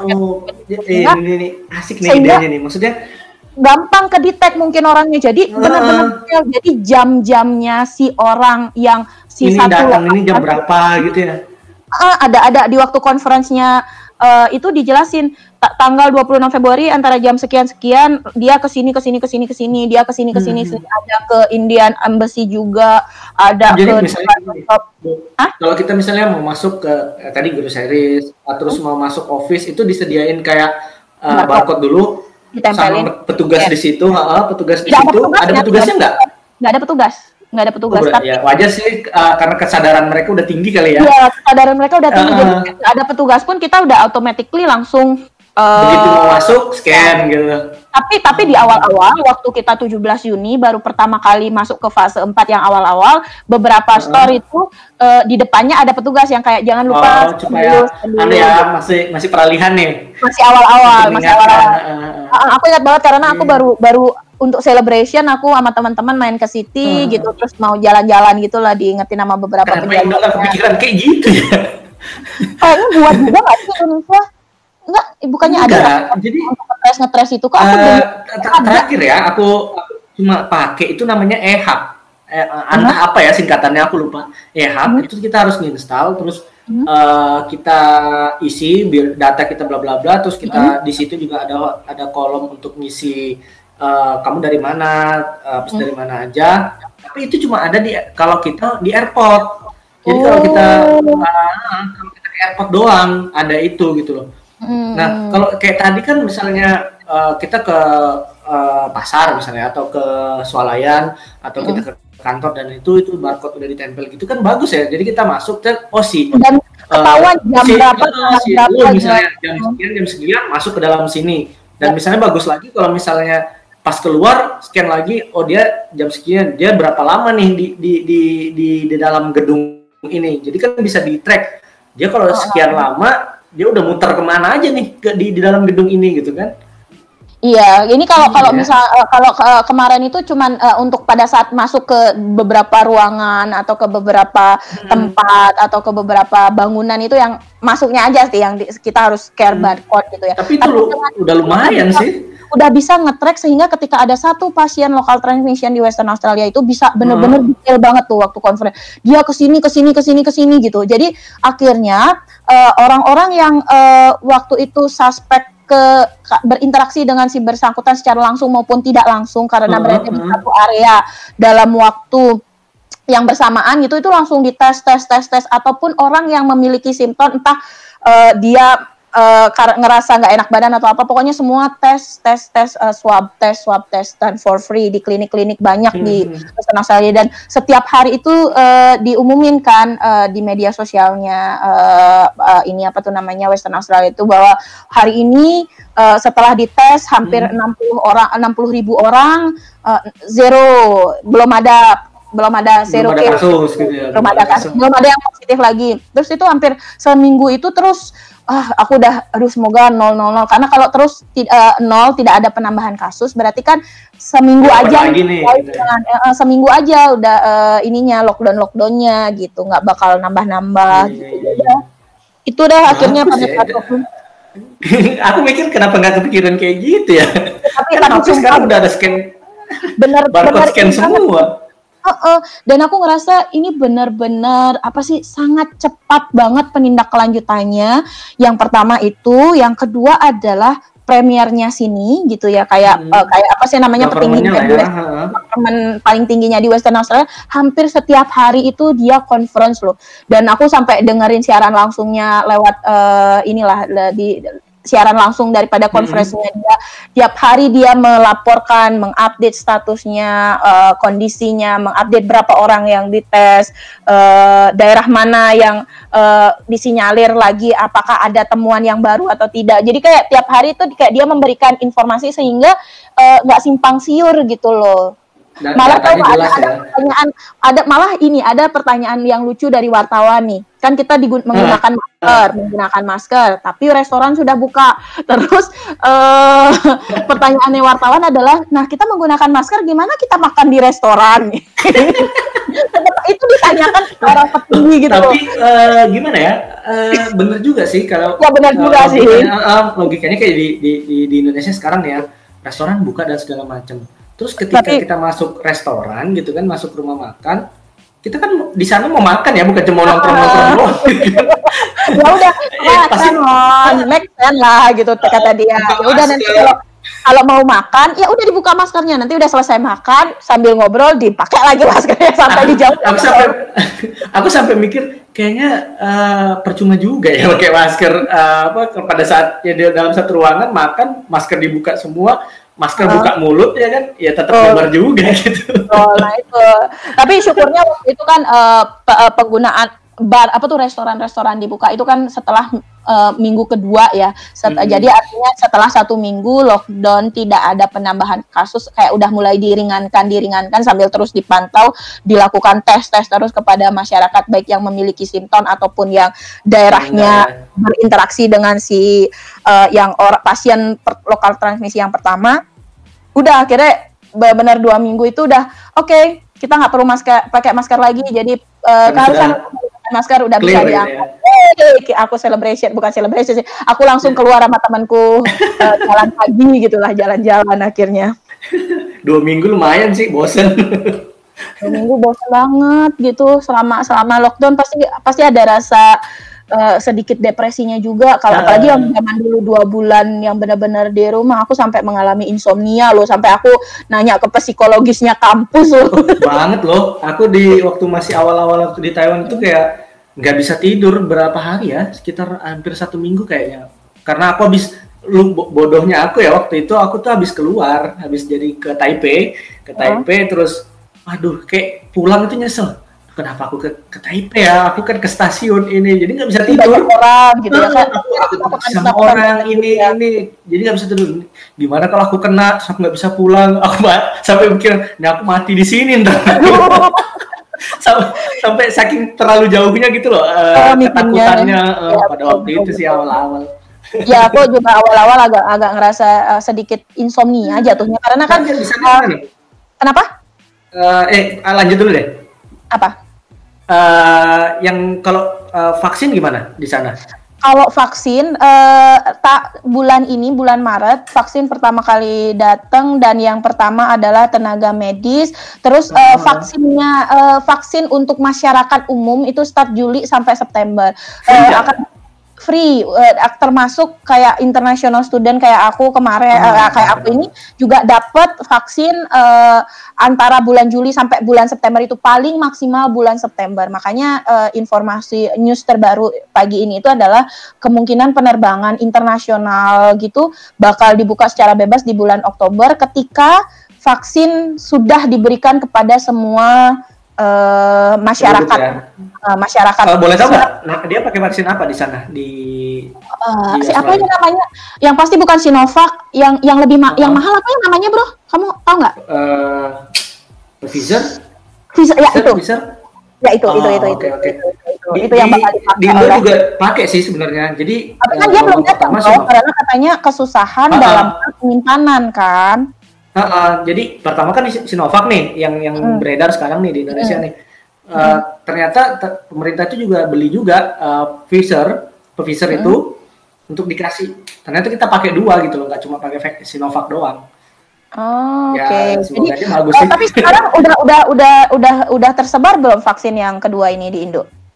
Oh, belum. Kita masih ini masih Sinovac dan kebetulan kita nih yang di di kampus, yang di di kantor nih kemarin hmm. eh, minggu kemarin itu baru didata untuk uh, daftar vaksin. Kemungkinan mungkin entah satu minggu atau dua minggu lagi mungkin kita baru dapat. Kalau hmm. yang nakes udah. Kebetulan uh, istriku juga udah vaksin sih kemarin. Udah vaksin ya? Hmm. karena vaksin masuk dalam nakes ya? Hmm, karena masuk dalam nakes. Uh, shotnya dua kali juga kan ya dua kali jeda uh, dua minggu kalau nggak salah. Uh, uh, uh, ya itu. Uh, terus uh, aku dengar juga kayaknya uh, kan tadi udah yang pertama yang uh, Pfizer itu, terus yang kedua juga ada yang apa sih vaksin Oxford Oxford punya vaksinnya uh. juga yang as uh, ini apa, apa nih aku aku cari sampai Oxford AstraZeneca vaksin. Jadi yang keduanya uh, vaksin kedua yang nyampe di Australia. Tapi si Pfizer ini udah udah mulai udah datang mulai ya? udah mulai, uh, mulai masuk ya nakes-nakes itu terutama.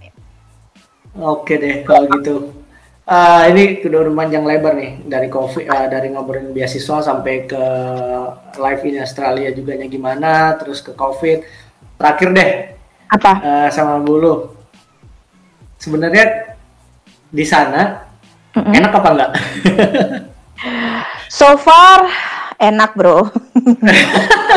Kok enak ya gitu dari segi ini ini apanya nih? Enak enak nih harus make sure dulu nih kita bikin apanya dulu ya? nih apanya uh, jadi kalau kalau dari uh, oke okay, pertama dari kehidupan akademiknya uh, menurutku sangat enak ya karena uh. aku aku gini aku kan uh, risetku adalah sesuatu yang baru. Kalau dulu aku belum pernah menyentuh sedimen transport dan interaksinya dengan oh. sebuah struktur gitu ya. Okay, okay, Sekarang sekarang aku bermain di situ. Jadi sedimen transport yang berinteraksi dengan pipa bawah laut gitu. Jadi kayak hmm. nanti mengamati itu. Nah, itu kan sesuatu menurutku sesuatu yang baru. Dan uh, aku agak-agak butuh effort lebih untuk misalnya mempelajari itu dan ketika dan ketika aku misalnya progres, aku menurutku ngerasa lambat banget misalnya kadang satu paper aku baca nggak ngerti. Banyak banget hal term-term yang nggak aku ngerti karena karena hal baru itu tadi ya. Hmm, banyak mungkin uh, kayak aku standarnya itu ada kosakata kosakata yang nggak familiar lah istilahnya ya. nah, ya. Betul, betul. Nah itu yang nggak familiar. Tapi kan mau nggak mau aku kita baca terus hmm. uh, satu paper itu susah banget dimengerti karena memang uh, hal yang baru. Tapi ketika aku sadari. Aku pengalaman nih bu, uh, kalau baca paper ya. Jadi hmm? ada ini nggak tahu sih uh, kalau di bidang di bidang lain ya. Tapi kalau hmm? untuk yang di bidangku itu ada paper uh, kalau misalnya si publishernya ini itu sulit banget untuk dipahami karena bahasanya itu high class banget dari bahasa Inggris itu high class.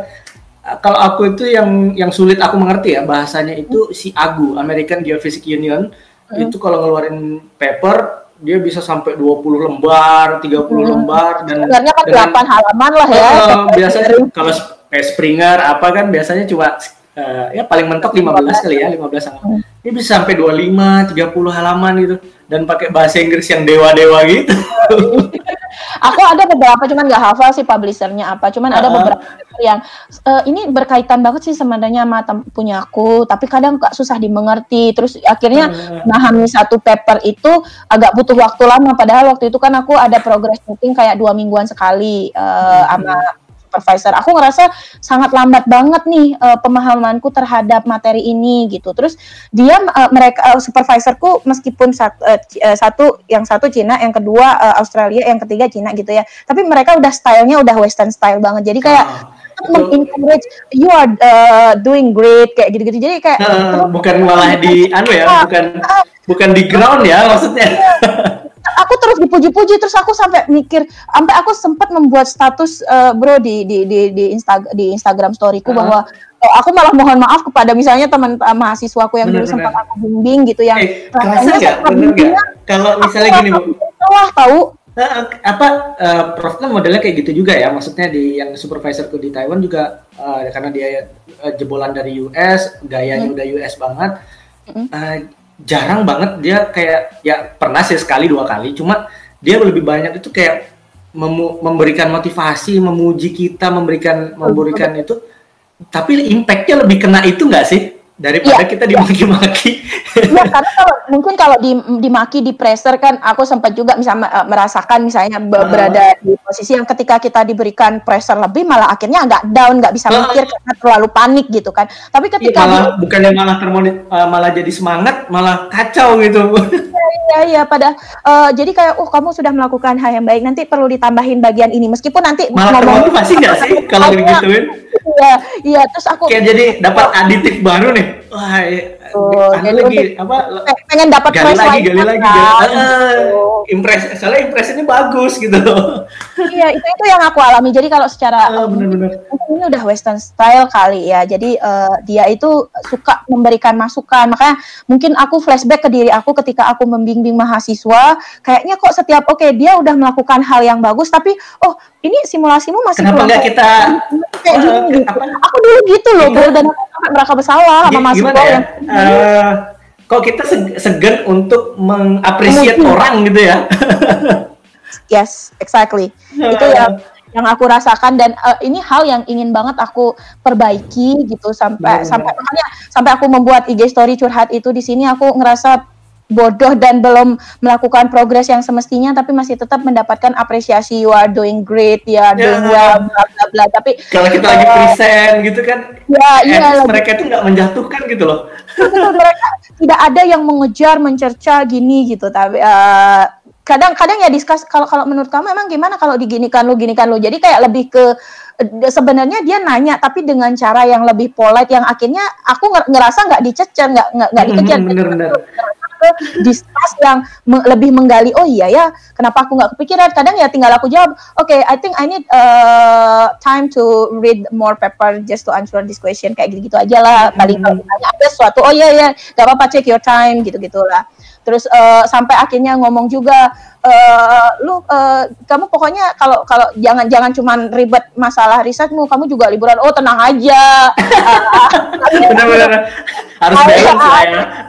terus aku bilang I always spend my uh, weekend time just only for traveling you know. Or tak bilang-bilang. Aku udah jalan-jalan ke sini jadi jadi kayak bener-bener akhirnya ngobrol yang nggak kerasa bahwa mereka uh, stylenya kurang lebih sama ya kalau uh, eh western style ada gitu ya, uh, ya? kayaknya gitu ya. Soalnya uh, di tempatku juga profku juga bilang ketika waktunya libur ya misalnya hmm. ada long weekend gitu terus kita ada jadwal meeting sebelum long weekend gitu. Terus dia dia bilang e, besok nih long weekend kamu nggak usah ke kampus. Malah dia bilang jangan ada yang ke kampus besok ya katanya. Besok long weekend dia bilang gitu.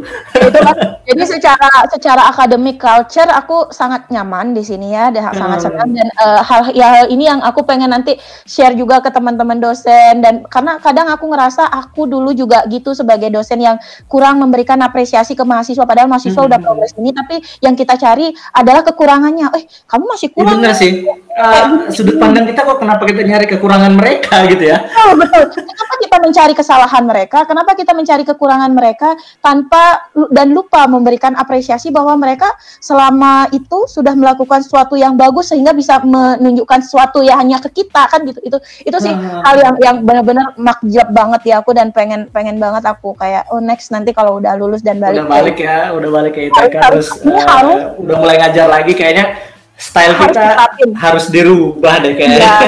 Kadang-kadang aku merasa jahat loh. kadang ngerasa jahat aku ke, ke, ke mereka gitu kayak kalau apalagi udah bimbingan skripsi itu kayak aku pengen mereka perfect sempurna gitu tapi uh, memberikan apresiasi bahwa ih kamu udah bagus nih. Oke okay, mungkin tinggal ditambahin ini. Jadi sebenarnya kurang nggak tahu ya uh, di di nggak bisa menerima nggak? Aku ketika pulang ya maksudnya meskipun belum lulus tapi ketika pulang dari sana terus hmm? dikasih jam ngajar gitu kan aku kayak membebaskan mahasiswaku untuk selama perkuliahan uh, saya nih lo boleh makan mau sambil ngemil mau sambil uh, gimana gimana yang penting dengerin terus uh, ketika aku tanya bisa jawab apa bisa respon gitu kan tapi mau sambil ngopi kek mau sambil makan mau sambil nyemil bebas gitu loh. Enggak, karena esensinya kan bukan ya attitude boleh lah tapi nggak sestrik itu gitu loh itu kamu tapi ini uh, hitungannya kelas online kan bukan yang offline uh, kan uh, offline juga? waktu di kelas offline juga gitu. Waktu setelah pulang dari sana ya maksudnya. Uh, ada yang waktu tahun berapa kan aku sempat uh, ngajar satu semester kan harus balik di sini offline gitu. Uh, itu udah mulai dari saat itu mulai pulang dari sana tak bebasin. Mau sambil bawa boba kek ke dalam kelas gitu. Hmm. terserah lah nggak apa-apa. Yang penting ketika makan jangan ribut ngunyahnya ya, ya, gitu. Ya ya ya ya, tapi ya, bebasin aja. bagus juga sih uh, sebenarnya tergantung nanti maka dari karakteristik dosen masing-masing gitu. Hmm. yang penting kan mahasiswa enjoy dengan kelasnya uh, merasa hmm, nyantai. bener -bener. karena ketika kondisi mereka rileks tenang nyantai mereka oh, akan lebih masuk kayaknya ya.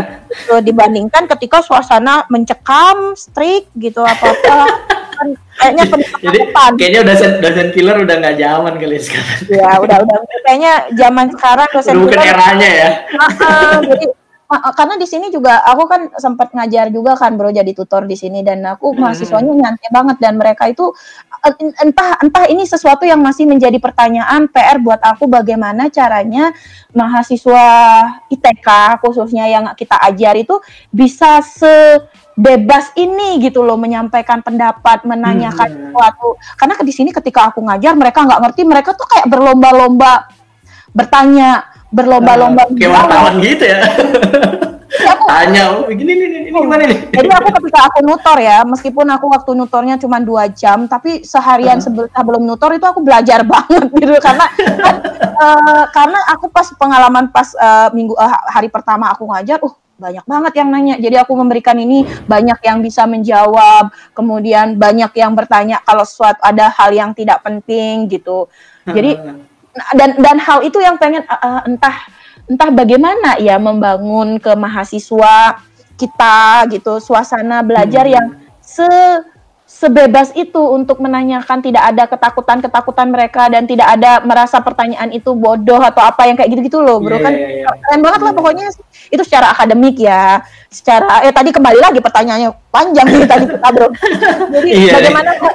kehidupan Aussie secara akademik kayak gitu secara live juga meskipun mahal Uh, tapi dengan kita memanage, maksudnya kayak sharing house bareng-bareng, masak sendiri di rumah, beasiswanya cukup lah untuk ditabung juga. Ya, secara berarti secara kehidupan mencukupi lah dan nyaman aja. Secara uh, olahraga, rekreasi juga sangat mendukung banget di sini. Jadi uh, taman ini terbukanya taman apa tuh namanya ruang terbuka hijaunya itu banyak ya. banget banyak banget terus kayak kampusku tuh kan di sebelah Swan River jadi kayak sungai tapi cukup gede gitu jadi kayak hmm. pinggir laut tuh eh pinggir laut sebenarnya sungai tapi udah kayak hampir laut gitu loh karena ada pasirnya dan hmm. sepinggir jalannya itu ada jogging tracknya dan juga hmm. pet untuk bersepeda jadi kayak sebenarnya untuk rilis stres tinggal duduk aja di bawah pohon-pohon uh, gum tree di pinggir laut, uh, pinggir sungai itu udah nyaman banget. Dan banyak juga tempat-tempat uh, wisata lainnya itu sih so far so, so, makanya aku bilang so, so far enak-enak aja lah. Aku lagi itu sih yang penting. ya. Jadi yeah. tidak ada uang-uang sendiri yang tidak, ter tidak ada pikiran untuk bagaimana makan hari ini. Nah itu. Ya makanya aku bilang bersyukur banget dan uh, so far nyaman banget enak banget oke okay deh kalau gitu.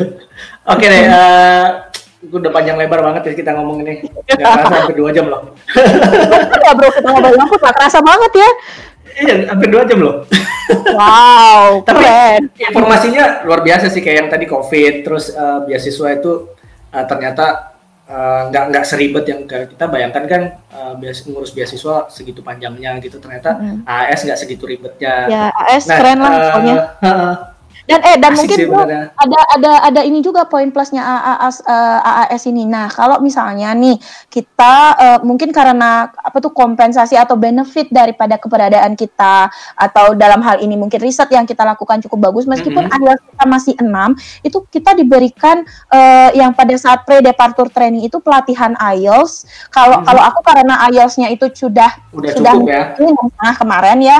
Jadi cuman tujuh minggu sampai sembilan minggu pelatihannya persiap pre departure training nama kegiatannya mm-hmm. itu lebih ke kehidupan li, uh, academic life-nya culture-nya gitu tapi kalau teman-teman yang bahasa Inggrisnya masih uh, IELTS-nya masih kurang itu ada sampai di PDT-nya itu bisa sampai eh, empat setengah bulan sampai enam bulan yang paling lama sembilan bulan itu jadi benar-benar untuk uh, bahasa Inggris doang ya? Ya, yes. So, karena hmm karena kalian kan sudah uh, sudah diinterview dan dirasa menjadi seorang uh, kandidat atau awardee yang yang sangat mumpuni mungkin dari segi uh, akademik kali ya akademik kita, dari ah. segi uh, riset Tinggal, kita yang impactnya, uh, kemudian mungkin juga keberadaan kita, gitu. uh, uh, dan cuma kendala bahasa gitu, dan akhirnya uh, diberikanlah kesempatan ini, dan juga Australia Award uh, Scholarship ini memberikan uh, peluang lebih untuk targeted area kayak Aceh, Papua, NTT, Maluku, jadi kayak daerah-daerah yang timur dan paling barat Indonesia gitu lebih peluang mereka itu lebih besar karena ada targeted areanya gitu Tapi juga. aku agak kecewa sih dengarnya. Kenapa Kalimantan enggak? Iya Kalimantan karena dinilai tidak ini mungkin ya, tidak iya. tidak belakang kadang mungkin ya. Kita kadang kalau bicara Kalimantan ini dilema sih sebenarnya. Dilemanya iya, itu gini. Uh, seolah ya dari dari pendapatan daerah kita gede kan. Jadi seolah-olah kita udah makmur dan dan kualitas pendidikan sudah terjaga dan segala macam. Tapi faktanya kan nggak gitu. Ya. kalau kalau di kalau di beasiswa Budi kalau tidak salah yang afirmasi hanya Mahakamulu bro. Even nah, makanya Even Bali kan? sampai akhirnya aku menjual ketika aku wawancara tahun 2017 Budi LPDP Budi hmm, LNLP hmm. aku selalu menjual ITK adalah perguruan tinggi negeri baru yang masih sangat ber, yang berdiri tahun ini. Jadi masih sangat kurang SDM bla bla itulah selalu dijual. Maksudnya kalau misalnya kita untuk supaya ada kesempatan gitu sebenarnya. Ya, supaya kita selalu diberi kesempatan supaya mereka nge, ternyata mereka nge-search ITK langsung pada saat diwawancara itu. Oh iya ya ITK baru berdiri ya. Oh kampusnya tengah hutan banget ya gitu langsung sambil sambil wawancara sehingga mungkin di situ mereka juga akhirnya uh, kurang uh, informasi kali. akhirnya mereka akhirnya memberikan uh, peluang oh iya ya ini SDM yang sangat diperlukan di organisasi ini. Jadi uh, makanya aku selalu berikan uh, ngomong ke teman-teman yang uh, akhirnya daftar-daftar beasiswa sesudah aku itu juallah juga ITK yang kita bahwa kita kampus baru yang membutuhkan sumber daya manusia dari segi dosennya yang yang uh, yang masih sangat baru yang lebih, iya, kualitasnya benar, lebih baik gitu gitu uh, sehingga oke okay, beasiswanya ini sangat cocok untuk aku. Uh, kalau kampus-kampus yang udah mapan gitu misalnya kan mereka sudah punya dana mandiri untuk menyekolahkan dosennya masing-masing kan. Tapi kalau kayak kampus kita yang masih baru ini kan belum ada. Jadi itulah sebenarnya bergeningnya kita untuk me menjual diri kita kalau kita mau daftar beasiswa sebenarnya iya juga. sih soalnya ya itu tadi sih kembali lagi kata kadang itu kita teralihkan karena data gitu. Iya betul, dikira maju banget nih dari Papua Kalimantan kaya. Kalimantan nih, Kalimantan padahal. Mas Sekarang Jawa kacau. makanya aku makanya pas aku selalu men, AAS pun juga begitu bro. Aku selalu menjual ITK dan ketika mereka mencari ITK mereka nge-search sendiri dan oh iya yeah, it's, it's uh, it looks like in, in, in, in the middle of forest gitu. Sangat natur banget nih nah ya. Bagus lah seneng nih bule-bule. Ya kalau bule-bule sih seneng ya ke sana ke, dengan tempat-tempat gitu. Buktinya tuh yang dua orang dari Prancis di awal waktu tahun 2000 happy banget. Ya begitulah oke bu kalau gitu ini udah uh, panjang banget kita ngomong. Panjang banget uh, ngobrol-ngobrol gitu uh, karena dari kita sama-sama dari ITK nih harapan ya. ITK uh, ke berapa ya? Lima tahun ke depan deh untuk ITK lima tahun nih? untuk ITK ya. Terakhir harapannya harapannya semua program studi yang sudah ada di ITK itu udah terakreditasi B lah seenggaknya. Yang yang bagus-bagus yang sekarang terakreditasi B udah terakreditasi A. Kampus ITK sudah bisa terakreditasi A kalau ban PT. Kemudian kalau bisa kalau bisa juga mencoba untuk internasional akreditasi karena ya, ya kayak IBET atau apa gitu ya. Karena kita nggak nah, muluk sih sebuah kampus bisa dilihat eh, menarik perhatian mahasiswa dan juga orang tua mahasiswa ketika kita memiliki peringkat tertentu ada arah ranking, ada ranking gitu loh ya. Jadi jadi sebenarnya perankingan meskipun tidak melulu soal kualitas gitu ya, tapi tapi itu menjadi satu uh, pintu gerbang utama kita, orang kita ketika kita mau me, dilirik oleh orang lain itu hmm. itu ITK bisa dari segi uh, kualitas terus yang kedua uh, harapannya sih teman-teman ITK SDM-nya dosen tendik tetap kompak tetap solid uh, dan semoga suasana yang kayak kita ngerasa sekarang ini masih seumuran, se masih sepantaran dan kita masih kayak sama-sama muda gitu, masih pikirannya terus kayak gitu. Jadi tidak ya. lagi tidak tidak seperti kampus-kampus yang mungkin sudah tua yang apa yang merasa senioritas atau apa-apa. Karena kan kita sama-sama ya. sama-sama keluarga ITK gitu ya. Jadi mm-hmm. harus bareng-bareng tetap kompak, tetap solid gitu. Itu yang kedua. Lima tahun lagi ITK. Yang ketiga sudah banyak nih dosen S3 yang uh, balik pun balik ke ITK jadi udah uh, harapannya ya tahun ini misalnya udah berangkat uh, banyak S3 empat tahun udah kita udah memetik hasil para dokter-dokter muda gitu dan ya, akhirnya segera balik ke ITK dan harapannya itu segera balik ke ITK-nya dan mengabdi iya bareng-bareng ya, ke ITK supaya ya lumayan cepat ngangkatnya ketika teman-teman yang sudah uh, S3 ini pulang langsung kayak ada katalisnya gitu sih. Iya. Terus yang keempat semoga juga uh, birokrasi, manajemen, sistemnya bisa lebih baik, lebih baik, lebih baik lagi. Karena di sini kan kalau kalau kita menggunakan sistem kampus ini, uh, misalnya ngurus uh, satu apa lewat aplikasi terus sudah selesai gitu, tinggal tinggal datang ambil atau apa gitu. Jadi kayak uh, sistemnya bisa lebih baik lagi lah. Karena kalau udah sistem cepet nih apa apa bisa cepet jalannya gitu. Jadi hmm. kayak uh, apa sih namanya nggak perlu nunggu oh bagian ini bidang ini bidang ini ke sini ke sini nggak selesai selesai nih gitu. Misalnya ngajukan kita, angka kredit aja nggak selesai selesai nih. Jalan-jalan nih kan. Uh, kan ke kemarin ke sana kan 2019 2020 ya? dong bro. Oh 2020 uh, ah. sekarang pas aku pulang sih uh, hmm dengan kondisi yang kayak gini lumayan sih uh, progresnya luar biasa cepet banget kayak ya, semua sistem ya, sudah uh, online terus uh, e-learningnya sudah mulai jalan semua meskipun mm -hmm. kondisinya masih jet lag teman-teman baru shifting dari yang dulunya manual semua terus tiba-tiba uh. uh, online semua terus mm -hmm. uh, sekarang ngurus KRS dan segala macam semua sudah sudah online semua dan bisa langsung di print loh uh, wow ya itu udah keren lah untuk kampus umur lima tahun dengan segitu progresnya kayaknya cepat banget deh. Ya, makanya itu saya yakin uh, lima tahun ke depan ITK bisa lebih baik lagi. Sekarang udah dalam waktu lima tahun udah secepat itu progresnya. Semoga progres ini bisa bertahan atau malah lebih baik lagi, meningkat lagi progres untuk lebih baik lebih baiknya kan? Hmm, benar-benar. Oke lah dulu kalau gitu. Oke. Okay. Nah, udah panjang banget kita udah ngobrolin ke sana kemari sampai uh, ada yang pengalaman-pengalaman yang kacau tadi, tapi ada informasi yang yang benar-benar berguna banget tadi selain yeah, dari iya, beasiswa yeah, dan covid yeah. ada informasi entrepreneurship di sana. bisa, bisa. Oke, okay, kalau gitu uh, kita akhirin uh, uh, podcast kita hari ini terima kasih banyak udah udah mau lah ya, ini podcast awal buat saya maksudnya ini benar-benar baru saya mendevelop podcast ini terus bulu dengan dengan senang hati mau gabung ke sini uh, jadi speaker. Aku makasih banget Oke, terima kasih juga loh Ben uh, udah ngundang. Nggak kerasa banget weekendnya jadi seru karena kan ngobrol-ngobrol tentang ITK ngomongin ngobrol banyak banget tadi. ya, terima kasih juga okay, ya dan selamat yoi. mendengarkan buat teman-teman lainnya para pendengar podcastnya ya, Ben. Semoga banyak yang anu jadi bisa nggak cuma di nggak cuma stop di bulu doang nih, misalkan masih banyak teman-teman kita yang lain yang harusnya bisa dieksplor sebenarnya. Oke, terima kasih. Uh, terima kasih banyak. Uh, see you dulu. Uh, see you bro. Teman-teman. Juga di sana ya. Kan di Indo kan Sama ini masih kan? Iya masih di Indo, masih di Indo, masih di Indo. Kapan balik rencana? Aku rencana mungkin bulan Juli. Bulan Juli, Juli. ya. Udah ada udah dipanggil. Masih, uh, masih COVID ini. Hmm. Indonesia sih terutama. Uh, Kalau Taiwannya siapa ya? Belum open open gate sama kita. Tapi buktinya toh bisa pulang.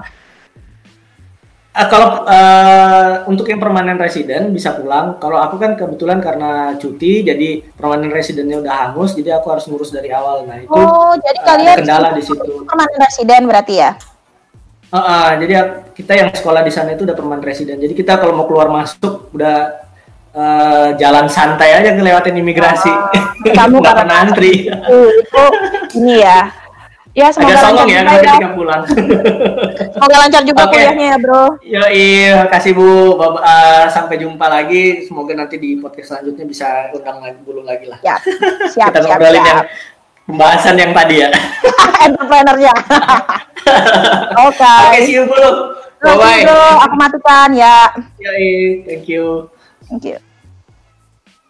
Oke teman-teman, itu tadi uh, podcast bersama Bulu uh, awardee dari Australian Award Scholarship yang cukup uh, seru pembahasannya dan bukan cukup seru sih seru banget karena di sana ada informasi tentang beasiswa dan lain-lain terus kehidupan di Australia bagaimana termasuk dengan kondisi COVID di sana bagaimana ternyata uh, banyak hal yang harusnya bisa kita lakukan di Indonesia ternyata belum kita lakukan hal yang sesimpel scan barcode dan segala macam tadi. Oke, segitu dulu uh, podcast hari ini. Kita akan ketemu di episode berikutnya. Wassalamualaikum warahmatullahi wabarakatuh. Salam Sofedian dan Sobat Sambat.